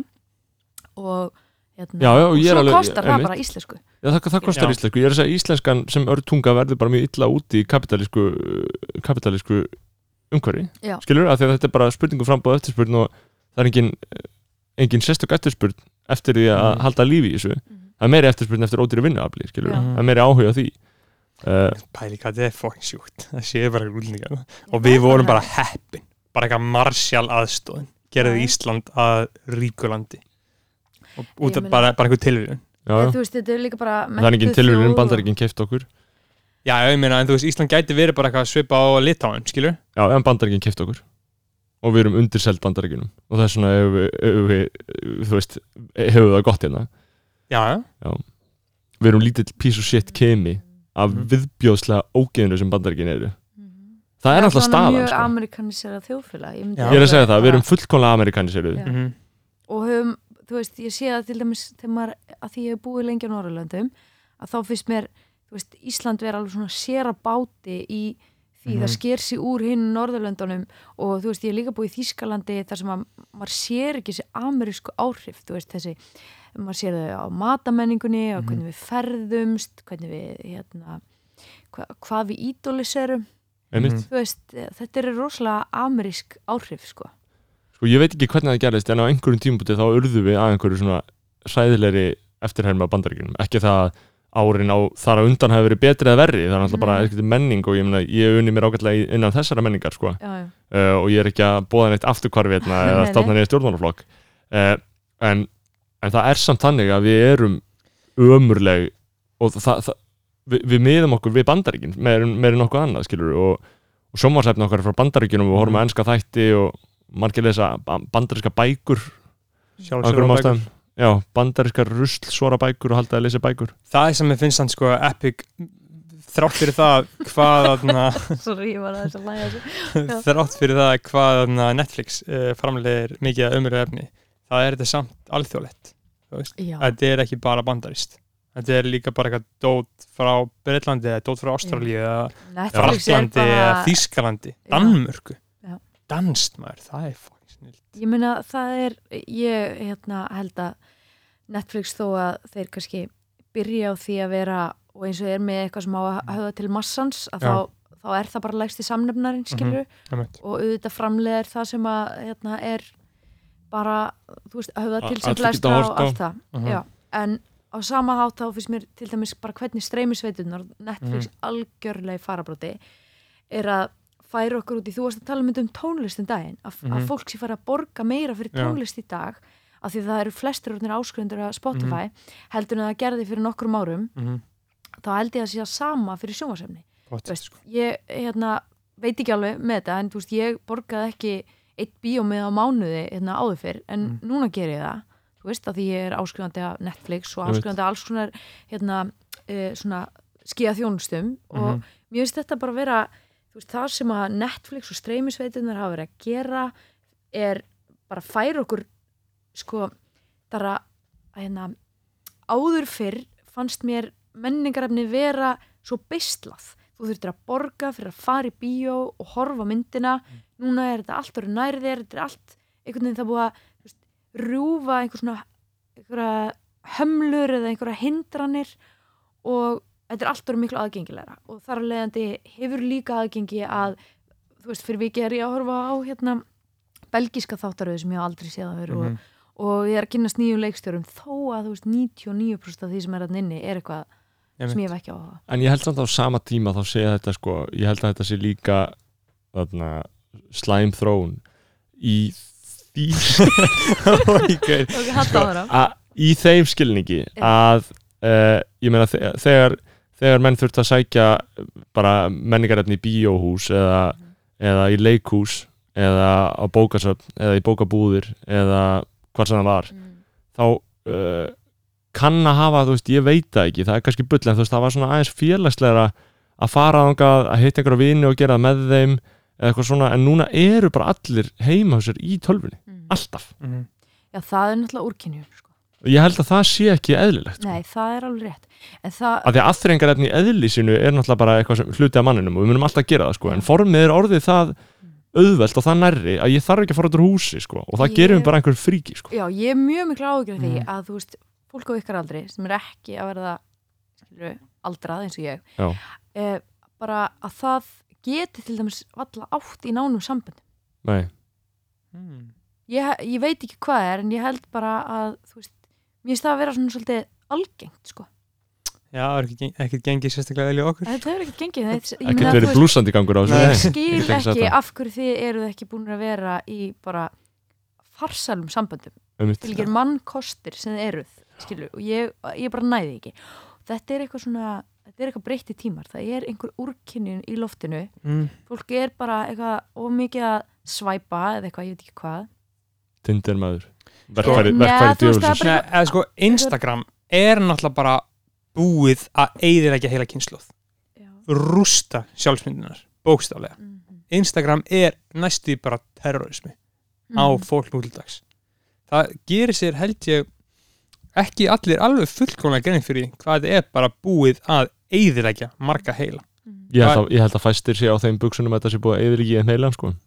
ég, þú veist, ég hef virkilega held að eftir fimm ár ég ætla, ég ætla ekki að taka ábyrð á þessum orðum en ég held að eftir fimm ár verða það eins komið meiri ljós hvað þetta er búið þú voru að passa að fara ekki að divaf með þetta þú voru að passa að fara ekki að Já. divaf en ég meina, þú veist það er eitthvað svona, það er eitthvað tröflun í Mm. gangi sem gera að verkum að fólk er orðið svo óvært að það getur ekki átt í nánum samböndum ég, ég held að þetta standist alveg sko. Mhm. en, en svo er náttúrulega bara líka spurning uh, þú veist ef að fólk er að fá, fá þetta inn ég meina eins og nefndir aldurinn skilur ef fólk er að fá samfélagsmiðla inn setna á æfinni skilur þegar þrítugt eða eitthvað Já. ég held að það fókist alveg jafn mikið upp á því Já, að fara inn á ég það held sko. að eiginlega þetta sé þetta Já. gildi bara um alla Mhm. skilur, Einmitt. bara alla sem eru konin með sem eru svona rosalega tengdir að Já. þú veist uh, já, ég hef pínu ágjör af þessu mér finnst þetta líka bara, þú veist, fólk sem ég þekki sem er um tvítugt mér finnst rosa algengt að þau séu svona tengslalaus pínu tengslalaus já, það já, sé eitthvað tengslarof í gangi og mér finnst það ógeðslega hættulegt sko. já.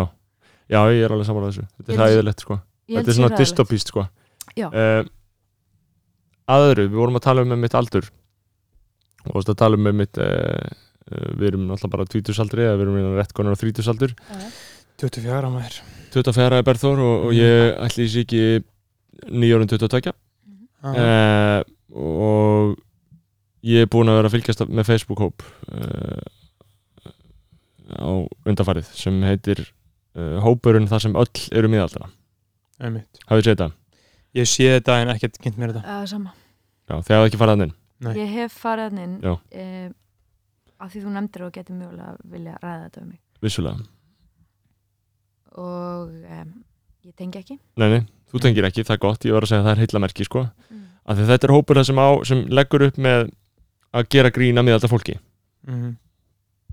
og það er alveg fjölmart sem ég hefði þetta aðtöfa Já. uh, það er langur listi í rauninni þetta er sérst Mm. hópur það sem allir er að slá í gegn og svona fólk sem vil vera að finna á netinu fer hann inn hvað er búin að búið að vera vinsælt sko, þetta er hópur sko, þetta er bara Facebook hópur það sem heitir, í fyrsta lagi ég fyrst byrjaði að gera aðtöfsöndir nafnið hópurinn þar sem öll eru miðaldra þetta er þessi tilraun til þess að svona neutralisera kynjanótgunna en Mhm. ég veit ekki hverjum finnst þetta alveg eðlert hópurinn þar sem öll eru miðaldra, ég veit ekki Mér- allir ég myndi segja hópurinn þar sem allir eru miðaldra Mhm. uh, við erum bara miðaldra hópurinn Já, já, það er náttúrulega, en, en punkturinn er samt að Mhm. allir séu miðaldra þarna, sko. já, uh, en hópurinn þar sem öll eru miðaldra þetta var eitthvað svona eitthvað svona já, já, þetta er ekki fallega en, en hópurinn snýst semstu þetta að uh, fara hann inn og, og posta eins og væri miðaldra.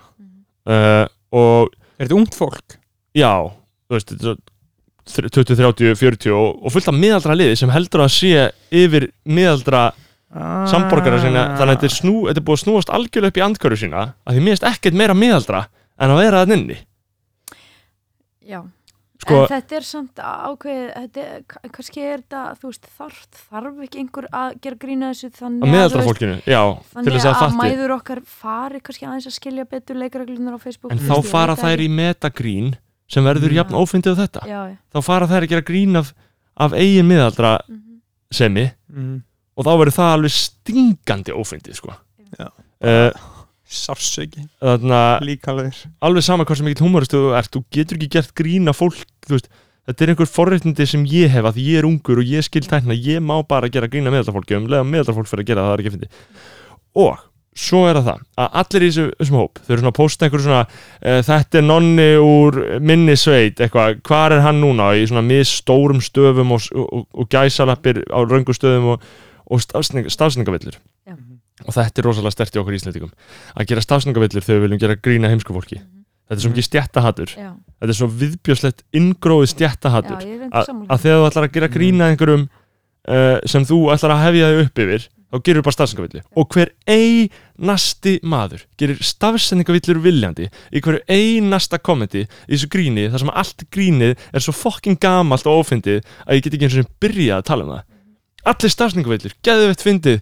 Hann er ekki búin að gangast uh, inn á uh, skrítnu stafsendingareglunar þegar hann var ekki nóg dúlur í skóla og var bara verkamaður skilur það er það sem er, það er grínið sko. Það er ekkert annað, er ekkert annað grín í þessu. Það er bara út heimskur fyrir að kunna ekki stafsendingavillur nei, stafsendingu, sammála. Andskotin hafa það. Mm -hmm. Ef ykkur að hlusta á raunast hópi skammist Já. ykkar fyrir Já. þetta Já. og fyrir lélan húmor. Já.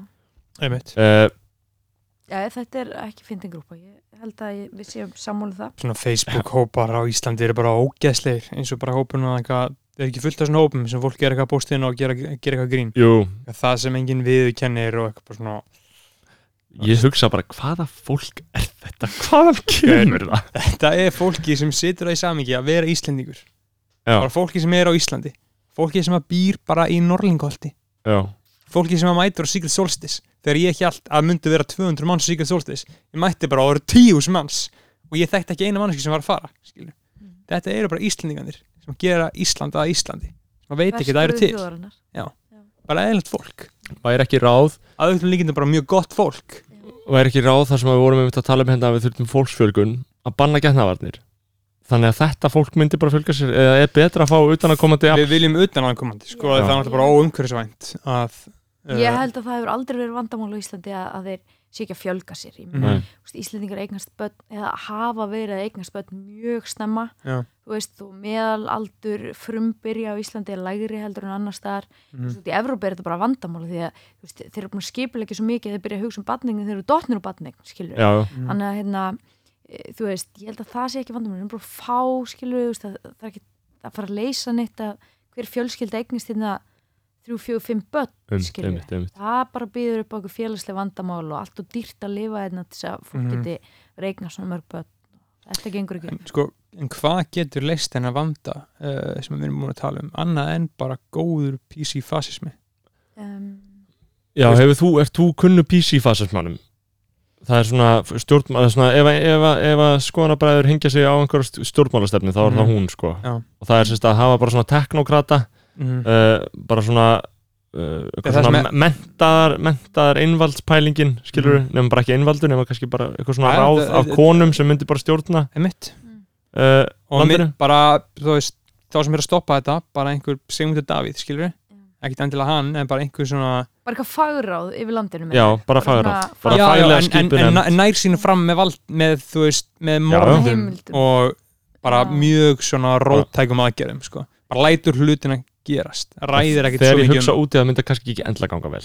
Uh, jú, samt, jú, jú, en þú veist Myrða Mark Zuckerberg, nei, skilur já, ég er ekki hlind því sko. PC-fasum hannum þú veist, ég er alveg annars hugsi yfir því hvað sé þetta að gera þegar þú veist samfélagið er orðið svona pólarsilega þegar orðið svona stjættaskipt þú veist, ég er mjög miklu ágjur af því. Mm. veist, Mm. ótrúlega lítið talað um hvað stjættaskiptingin er að aukast og hvað, þú veist, fátækt fólk er farið að, að verða fjölmennara eða hver, hver sagt, margir eru farnir að vera og við sáum það líka í svolítið í hérna, kjarabarátunni sem var í vetur að veist, það er orðin frústrar hávar hópur sem að færa ekki það sem veist, getur ekki lifað mannsamandi lífi á Íslandi mm. veist, það finnst mér vera óhugnalegt og mér veist við að hafa freka máttlösa ríkistjórn sem að er ekki að taka á einhvern veginn svona grunnvandanum minna og þú veist, og er bara um,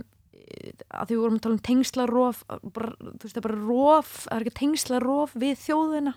Þú veist, þessi stjórnmóla öll sem að ráða hérna og þú veist, það sjálfstæðisflokkurinn hafi verið svona lengi við völd og framsóknflokkurinn, þú veist ég held að það sé búin að myndast einhver menning fyrir því að ákveði fólk fyrir stjórnmál.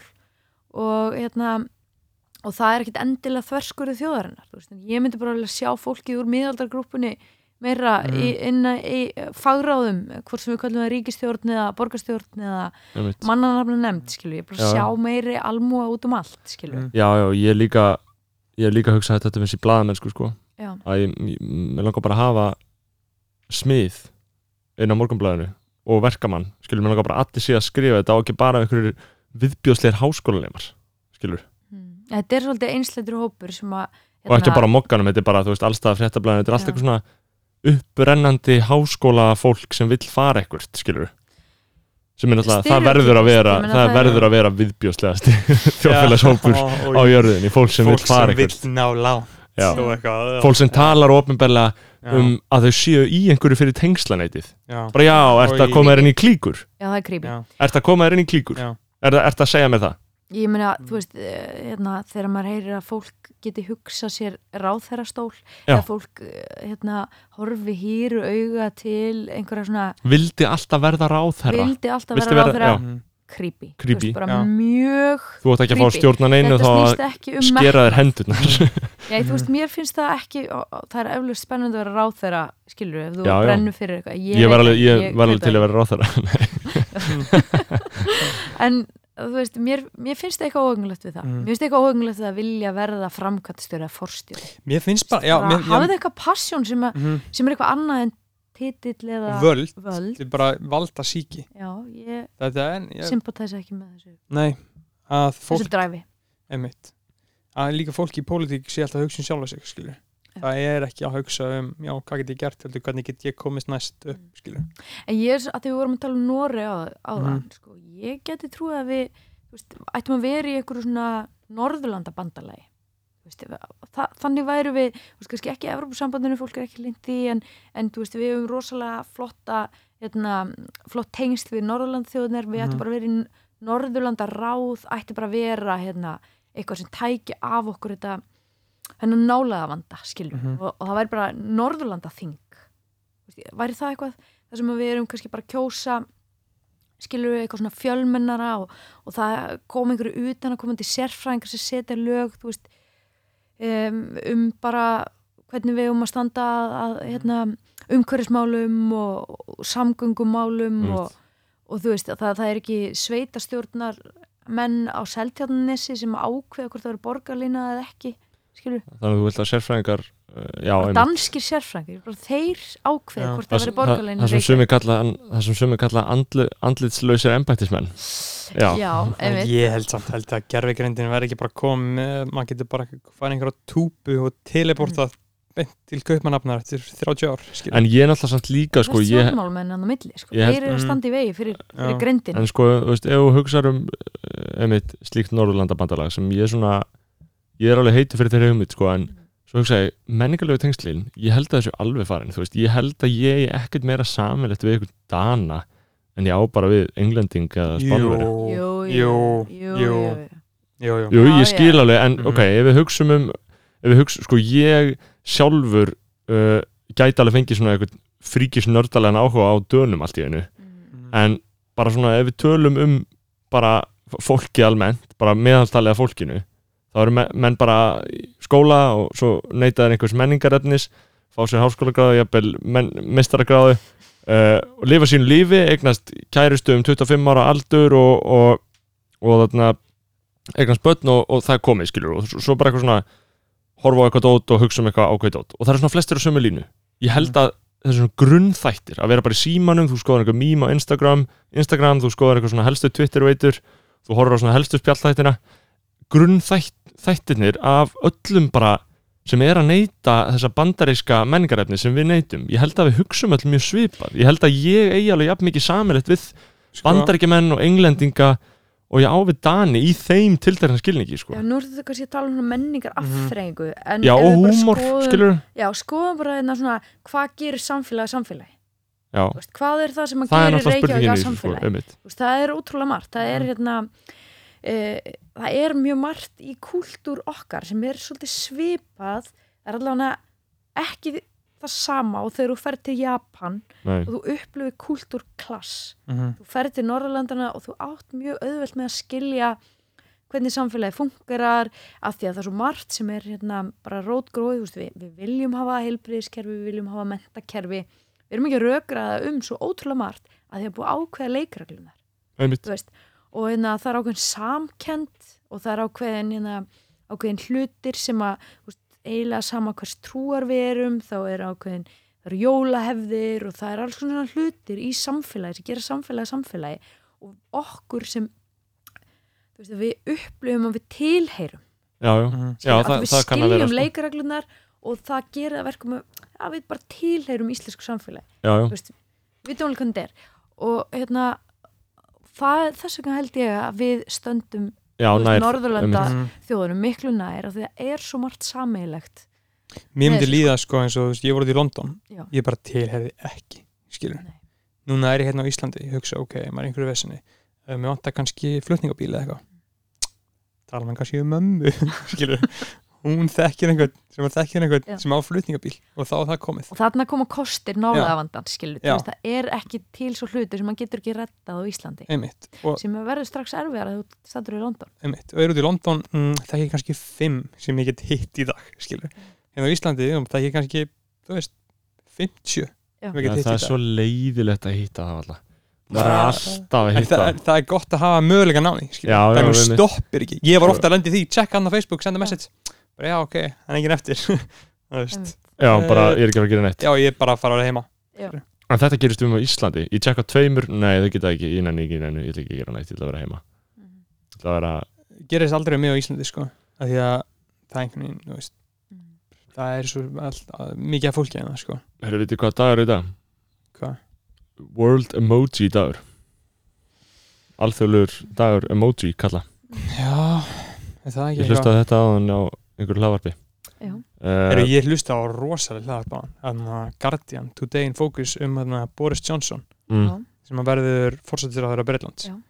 og fyrir hans sem vissi hann var blaðamaður? Já, hann var hjá Bara hann, er- Spectator. basically er blaðamaður í dag. Hann er legendary, var- legendary blaðamaður. Já, hann er bara legendary blaðamaður og bara hvernig hann notaði það og er bara núna og borgarstjóri og er bara núna fórstjóra og var bara blaðamaður allan tíman og er bara að fara að vera fórstjóra og er ennþá blaðamaður. Og var bara, spurður eitthvað nei, ég mun öruglega aldrei hætti að vera blaðamaður. Og væri bara fórstjóra og blaðamaður. Sjúkt, og þetta hann, uh, ég hef nú ekki Ég alveg veist gott kynnt mér að hafa fulltrú að hans. minna stjæta hann í fórstæðraður stólum Nei, mér fannst mjög áhugaður til dæmis í Steve Bannon mynd hvernig hérna, hann notaði fjölmiðlana. Já. bara grimt og það er hérna, kona sem heitir Silvi Listhaug í, í Noregi sem er Mm. mm. hatasta og umdeildasta stjórnmálakona Noregs fyrr og síðar okay. sem er frá populíska framfaraflokknum og hérna hefur gengt þar og setið í ríkistjórn og gengt vega miklu embættum Eh, þú veist, ma- maður sér hvernig hún eh, á svipanátt á Boris Jónsson og Steve Bannon spilar með fjölmilana til að ná Mhm. sínu framgeng. Og eða fá sínu fram og svona til þess að kveikja upp í umræðunni og, og hvað segir maður, þú veist, fjúela umræðuna og, og veist einhvern veginn hvað tungutak út að nota til þess að vekja aðtigli og Ég held að þetta sé ekki alls óskilt því sem Vigdís Haugsdóttir til stundar í borginni sko. Ég myndi til dæmis alltaf að eh, fjölmjöla bakgrunnur Sigmundar Davís Já, eh, hafi eh, gert honum klift að ná gert svona honum að ná svona mikilli aðtegli Já, já, Já. Hvort sem hann er að spila með það, ég er ekki endilega að segja það en þú veist það, þetta er nefnilega Já, já. Hérna, það, það er líka aðtilsvert hvað fjölmjölarnir láta hafa sig úti að stökkva alltaf á þetta um, svona clickbait hegðun Mhm. og hérna þú veist, tjáningu að, að þeir alltaf sveiflast með svona uh, klækjabröðu skilur, það er líka- bara ignora En það þegar, fer þegar um er að í- eitthvað skiptir í máli. Þá ferð, er, er maður líka farin í erfiðustu spurningar um bara hvað það er að rítstýra einhverju. Uh, það hvenar er bara áttu gaggrinnin hugsun. Já það er gaggrin hugsun en hvenar áttu ekki að segja fólkinu frá einhverju sem það vill heyra? Skilur þú ert, þú er að skilgreina þig sem krítiska fjölmiðl en ekki mig fjölmiðl getur ekki haft að hlutverk að vera afþreying. En hann er það, sant? fólk fer inn á fjölmjöla til þess að afþreyja sér, skilur við Já, en uh, það, það finnst mér vera sko mjög uh, undarlegt markmið fjölmiðls sem ætlar að hérna, láta taka sig alvarlega. Já, já, þar sem trúverðuleikin er það erfiðasta sem þú getur áunnið. Þér einmitt en jáfnframt það mikilvægasta að ef þú ætlar að hafa það markmið að búa til eitthvað fyrir fólkið af því að það vill heyra það og vill lesa það þá getur bara, þú veist bara verið með Kim Kardashian í sjónvarpinu allan daginn, skilur, þú þarft ekki að nota krítiska hugsun. Einmitt, en það sem blaðamennska snýst um er krítisk hugsun og þess vegna getur í raun og gerfugreindin ekki einu sinni eh, replaceað hana, skilur. Nei, nei, þetta er kannski smá líka tengt því sko að þú veist, núna á Íslandi það eru þannig séð engir áhrifavaldar að segja eitthvað eða hafa einhver pjúra áhrif, hvað ég meina áhrifavaldar eru að selja orkudrykki á Instagram og einhverja make-up vörur og bara fjöldafallan eitt rusl þeir eru basically að gera samfélagi verra. Já. það er ekki einu sinni einhverja alt-right áhrifavaldar á Íslandi. Það Nei, er líka en- að steikt, það er en- engin hugsuður Akkur er veist- hugsuður þú veist, áhrifavaldar? við erum Já. bara eitthvað með eitthvað podcast sem að fólk hlustar á. En sko, það er svona næsta sem kemst, það er engin jú, að jú, ég held að þar sérstu samt að horfa fram með mörgu, sko. Eins og við erum hverju? með, sko, leiðararnir hans Þóruðar Snæs Já, Þú þokkulega, en, en, en ég, ég er að tala um fyrir ungt fólk sko. já, ég er að tala um bara Þú fyrir að tala um að nota sagt, e, tækin og tólinn sem þú getur nota Já, sem áhrifavaldur já. til þess að no beita áhrifunum Jú, á jú, annan ég, ég, myndi nú samt, ég myndi nú samt segja að já, ég meina, þú veist, eins og hugsa bara um Instagram uh, reikningana hjá Jóa Kræst, þú veist, hann fer alveg og drullar yfir einhverja pólitíkis á Instagram. Og það er alveg sumi sem stunda þetta, sko. Já, en er það ekki popstjarnar sem að nota röddina sína? Jú, það er bara það, jú, það, Það, er ekki það sama það er ekki það sama. áhrifavaldur nei, sem að tekur myndir af sér til þess Mm. að akkurat. Ég lík- ég líka tala meira Þeir passa sig miklu meira bara að fara ekki í pólitíkina, sko. Þeir passa sig að fara ekki á það stig, sko, til þess að forðast. Ég er að tala um bara einhverju svona þú veist, kannski slæmt dæmi svipa á Jordan Peterson skilur Íslendingu sem er með einhverju lífsbeki eða er að spá í einhverju svo að hann ég, þeir þóra bara ekki að fara í þeir þóra bara ekki að fara í flokkapólitíkina, sko Þú veist, Nei. það er bara, ég held að sé á Íslandi er ákveðin ótti við að Mhm. tala um flokkapólitíkina sko að þetta er líka svo lítið land og þú getur sagt eitthvað sem ergir einhvern sem síðan verður ráþæra og þá getur Mhm. ekki fengið eitthvað styrk sem þú vilt að því þú veist að vera vinnur ráþæra á Íslandi það er bara feitt Mhm. Þa- þau eru með skuffufjö það er ekki neitt neitt, þetta er bara já en ég er að segja skilu það er held ég miklu feitara en fólk Ég Gerir held sér að grein það sé fyrir, meira sko. svona pot, þú veist, ef þú þekkir einhvern þá getur hann komið þér í stöðu þegar þú ert í, í hátni í einhverju embætti eða eitthvað en, en mér langar svo að tala meira um þetta með áhrifavaldan mm -hmm. og það er, Já. þú veist, hversu lengi mun þetta áhrifavalda dæmi lifa í þessari mynd sem það er í dag Sko, ég held að fyrirtæki eru farin að átta sig meira og meira og meira á því að sko, það mun kannski á hvernig þú skilgæðan áhrifald ef bara eitthvað manneskja sem að byrja á Instagram en gerir ekki neitt það er ein tegund áhrifaldi en síðan er Já. líka eins og segir popstjarnar eða listamæður eða sem að actually gerir eitthvað. Já, og auðlast þá fylgjandahóp á Instagram sem hann getur haft áhrif á með því að selja þeim eitthvað einmitt. En ég held að ef þú ert listamæður eða þú gerir eitthvað þá myndi alltaf að lifa af sko. en mér líður eins og smátt og smátt að bara þetta úrkynja dæmi sem er í gangi í dag og hefur dreigist úr. Mér finnst fólk ekki jafn mikið verið að spá í þessu og mér líður eins og fólk sé aðeins svona ekki að skoða stóri sem að eru tíu mínu löng. Muni eftir þegar fólk horfiði á Nova snappið. Já, ég man þetta þessu sko. Þetta var, já, þá var fólk bara tilbúið að horfa á eitthvað í tíu mínútur. Það var bara Nova snappið, bara einhver frægur einstaklingur fekk Nova snappið og allir bara horfa það er bara ekki séns að eitthvað fyrirtæki gæti núna verið með á Instagram story sem sem svo bara að Vodafone segir, heyrðu, uh, gefum hérna þessum vinsala snapp bara uh, Instagramið okkar, hann ætlar að vera með í dag. Það er ekki að fara að horfa ég gæti reyndir að tala úr einhverju búblu frá mér, en, sko. já, ég, en mér líður eins og þessu áhugi fyrir þessu sé bara, það er ekki að fucking hlusta á þetta kjafta Nei, mér finnst bara ekki fólk komast upp með að, að hérna vera með, eða jú, það kemst upp með það en, en það er raunur voru lítil umræð um það að hérna, krakkar, ungir Mm. krakkar sem hafa kannski afreikað eitthvað og þannig orðið áhrifavaldar mm. kannski íþróttafólk eða tólistafólk eða fyrirsætur eða whatever, eitthvað sem er Mm. eftirsóknarvert að það fólk sem sagt fara að gerast einhver ambassador fyrir einhverja vöru Mm. fara að selja okkur það með svona dulbúnum hætti mér finnst það svona mér finnst það ekki droslega áhugavert og mér finnst það líka afvegaleiða fólk og, og hérna Mhm. Byrgjaði oft sín og hérna bara eins og stelpur sem ég hef verið að fylgjast með í kraftliftingum að ég hef áhuga á því þú veist, sem að byrja að vera að deila sínum æfingum og segja þú veist hva, hvernig þeim líður í dag og hvað ætla að gera þess að hérna, ná árangur í dag og eitthvað svona, það mjög inspirandi að horfa á það Mhm. og svo er það allt hennu, þú veist, í dag er þetta bara orðið, þú veist, það er að selja mér einhverja drikki, það er að selja mér einhverja vörur og þú veist, ég nenni ekki að horfa á auðlýsingar ég vil bara horfa á eitthvað sem er að æfa eða horfa á eitthvað sem er að ferðast eða horfa á eitthvað sem er að segja eitthvað af því að af því að það er uník Mhm. skilur stundum fer ég inn á einhverja reikninga einmitt, eða opna einhver story. Og maður er eiginlega bara farin að opna fyrsta myndbandu og svo maður, já, þetta er bara einhverja auðlýsing, ég nenni ekki á það það er bara, ég nenni ekki á það, ég lokus sér bara aftur Mhm. þetta er bara eitthvað auðlýsing ég er bara að opna hjá einhverjum og sé bara það eru kannski 14 svona stikur. Já, ég veit þá bara, bara hann er svæpa með þig bara áfram. Þannig ég held að, ég held að maður ég held að fólk vilja ekkert horfa á þetta, sko. En það snýst bara alveg eins og um fjölmilana þá snýst það svolítið um trúveruleika já, já, einmitt, þú veist, og hérna þetta snýst ég mjög myndi mikið um mjög það, gætna sko. vilja sjá já, mér þetta geggjað að sjá þú veist, krakka beita sér í því að, að hérna, og, og það gerir það alveg það er bara ekkit rosalega fyrirfæra mikið á Íslandi. Sko, Mhm. að bara hlutir eins og hvernig maður á að borða út af uh, hérna, umhverfis af, af, hérna, áhrifum að hvernig maður getur, þú veist, tílinga sér e, svona bara sjálfbærri lífstíl. Og mér en finnst það að hluti. já, þar ert alveg, þú ert alveg með einhvern, maður er Það er alveg- fólk sko. það eru alveg PC áhrifavaldar á Íslandi, sko.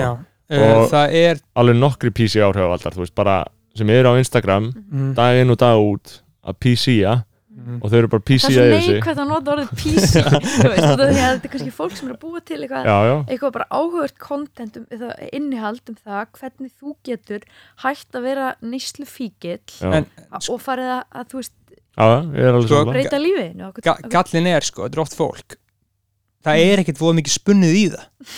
Skilur hvað einmitt. það er að gera þetta og þetta eru bara uh, heimskingjar það er smá trú á mannkynni Já, en þetta er, bara, þetta er bara fólk sem er ekki greint og ekki sniðugt en hugsaður, já ok, þetta er eitthvað wave sem ég get hoppa á. Ok, nice, posta mynd á Instagram. Verður þú sjálfur, það er bestu útgáðan sjálfur. Þetta er bara það er mikið af Mikið- mikið mikið af af fróðu þannig, sko. sko, en, mikið af en bara jú, jú, rusli. auðvitað, auðvitað er náttúrulega þess virði að en það er sem bara góð þróun að einhver sé að gera eitthvað svona Já. en saman tíma þetta fólk að selja eitthvað skilur Já, þetta fólk er með einhvern afslóðakóða á eitthvað svitabönd eða hvað sem Já. það er skilur sem er að predika sjálfbæri lífstíl og okkur svo leiðis Já.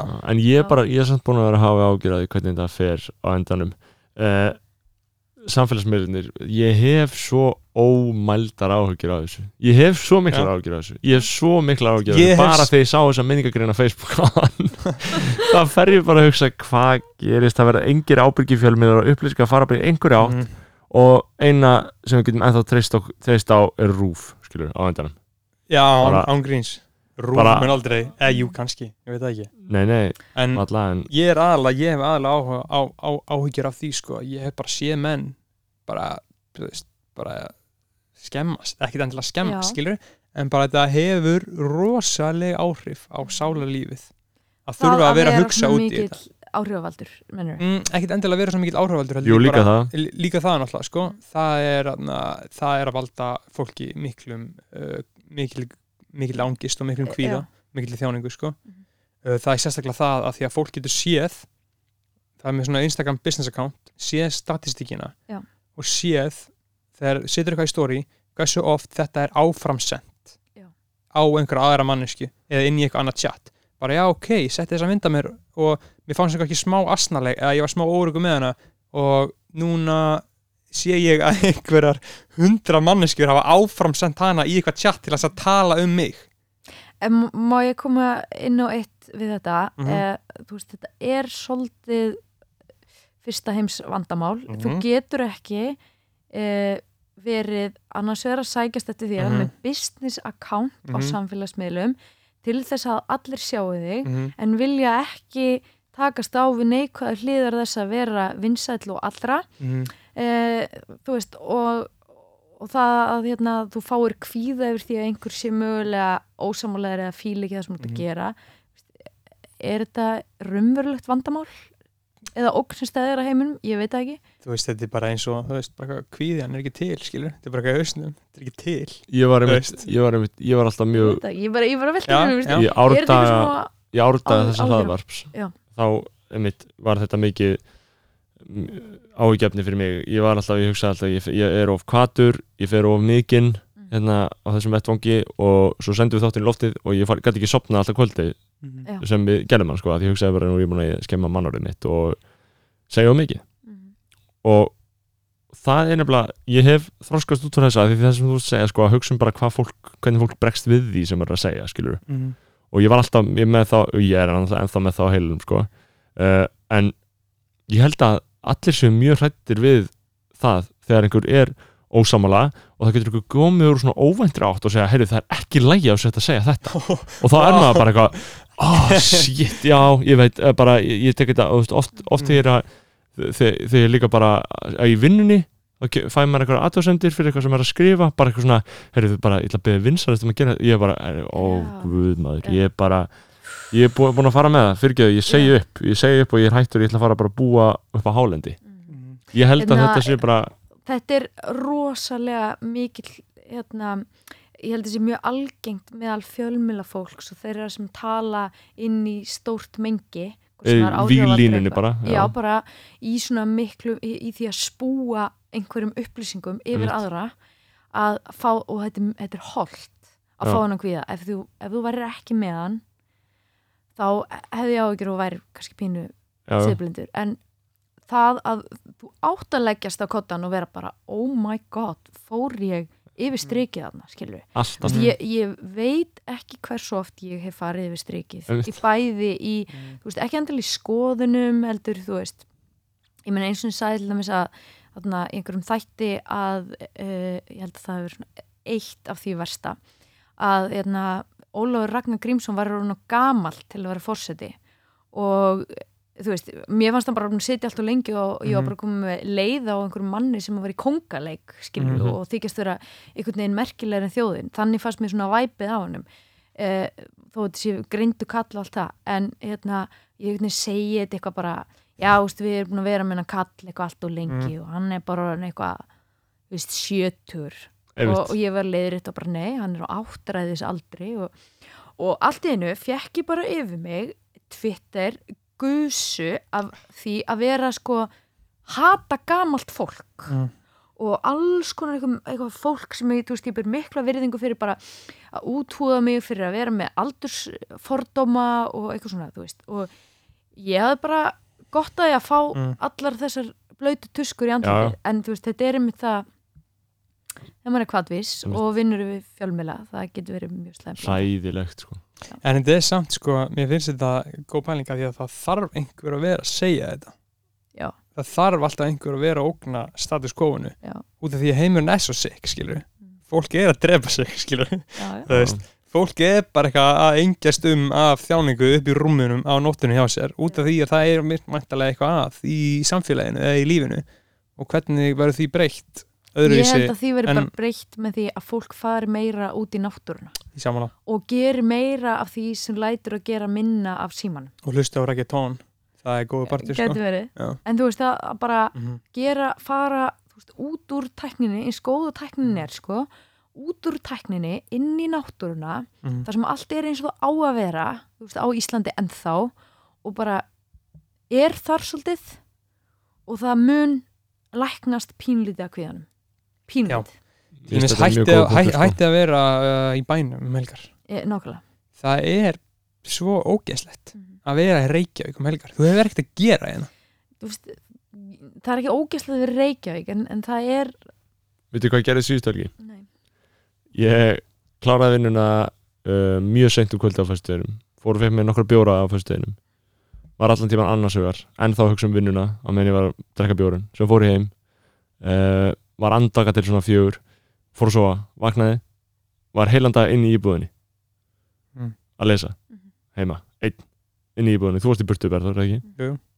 fór aftur út um kvöldi í svona tvo tíma vaknaði aftur á sundum, var heilanda inn í íbúðinni fór að sofa fór svo að vinna mónudagsmorti tortúr þetta var ekki, þetta er ekki nógu gott og ég hugsaði Nei. eftir þetta, wow, það var ekki helgi sko, hvað í fokkan var ég að gera? Ég hef þetta að fara einhvert. Ég ég nenni ekki neitt. Ég nenni ekki neitt. Nei, það ég að nenni ekki neitt.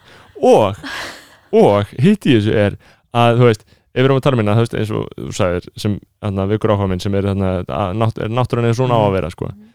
og, og þú veist, þetta er svona, uh, svona rauksend skilur þannig er bara hlutinir í sínu organíska uh, uh, eðli. Já, já, uh, þá er náttúrulega, þú veist er ekki allt hluti á náttúrunni skilur er ekki þetta, þessar ógustlu hlaðvarpsgræður er, er ekki, þú veist, datt Guð ekki í hug að þær eru til, skilur, fyrst þær eru til?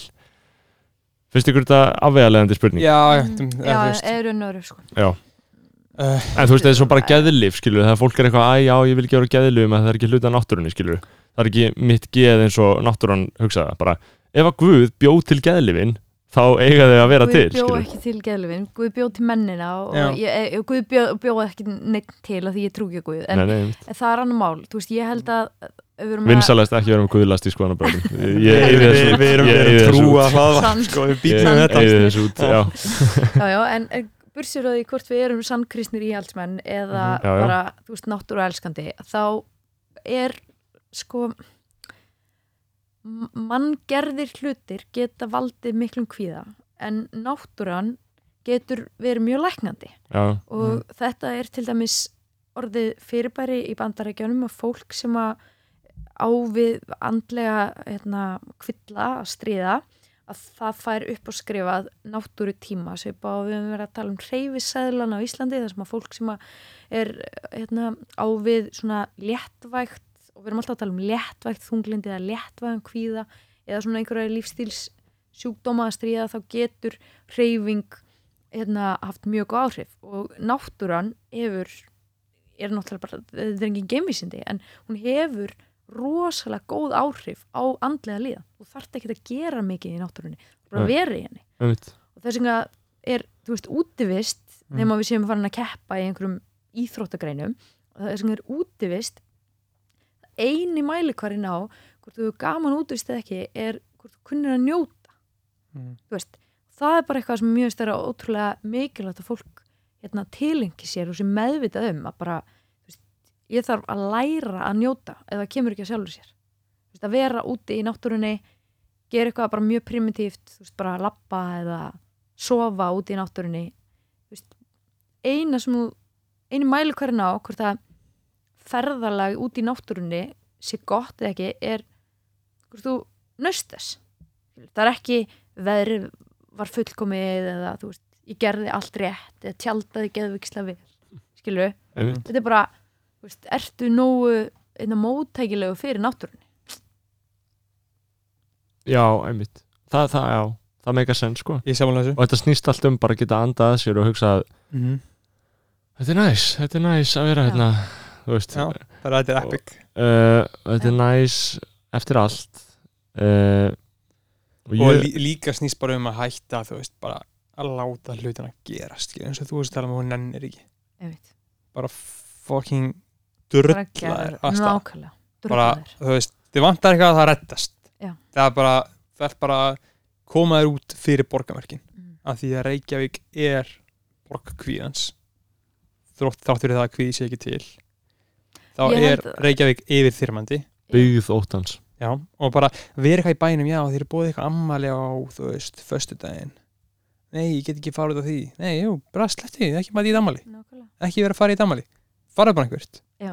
Faraðu út fyrir bæmörkin. ég held að þetta sé eina leiðin til að lifa á Íslandi það er að hérna, þú veist, eina leiðin til þess að upplifa Ísland sem ekki sem klástrofóbist land er að fara sem mest út í náttúruna út af því að hún er bara henni í seglingafélag þú veist, þú Mhm. getur búið í Berlín og það sem þú getur séð á náttúru og þarf að hafa svolítið fyrir því að komast út úr borginni til þess að upplifa náttúru eða, eða, eða þá þú getur farið því á svona man-made græn svæði þú veist, en þú kemst ekki óspilta náttúru með 20 mínuna akstri eins og á Íslandi.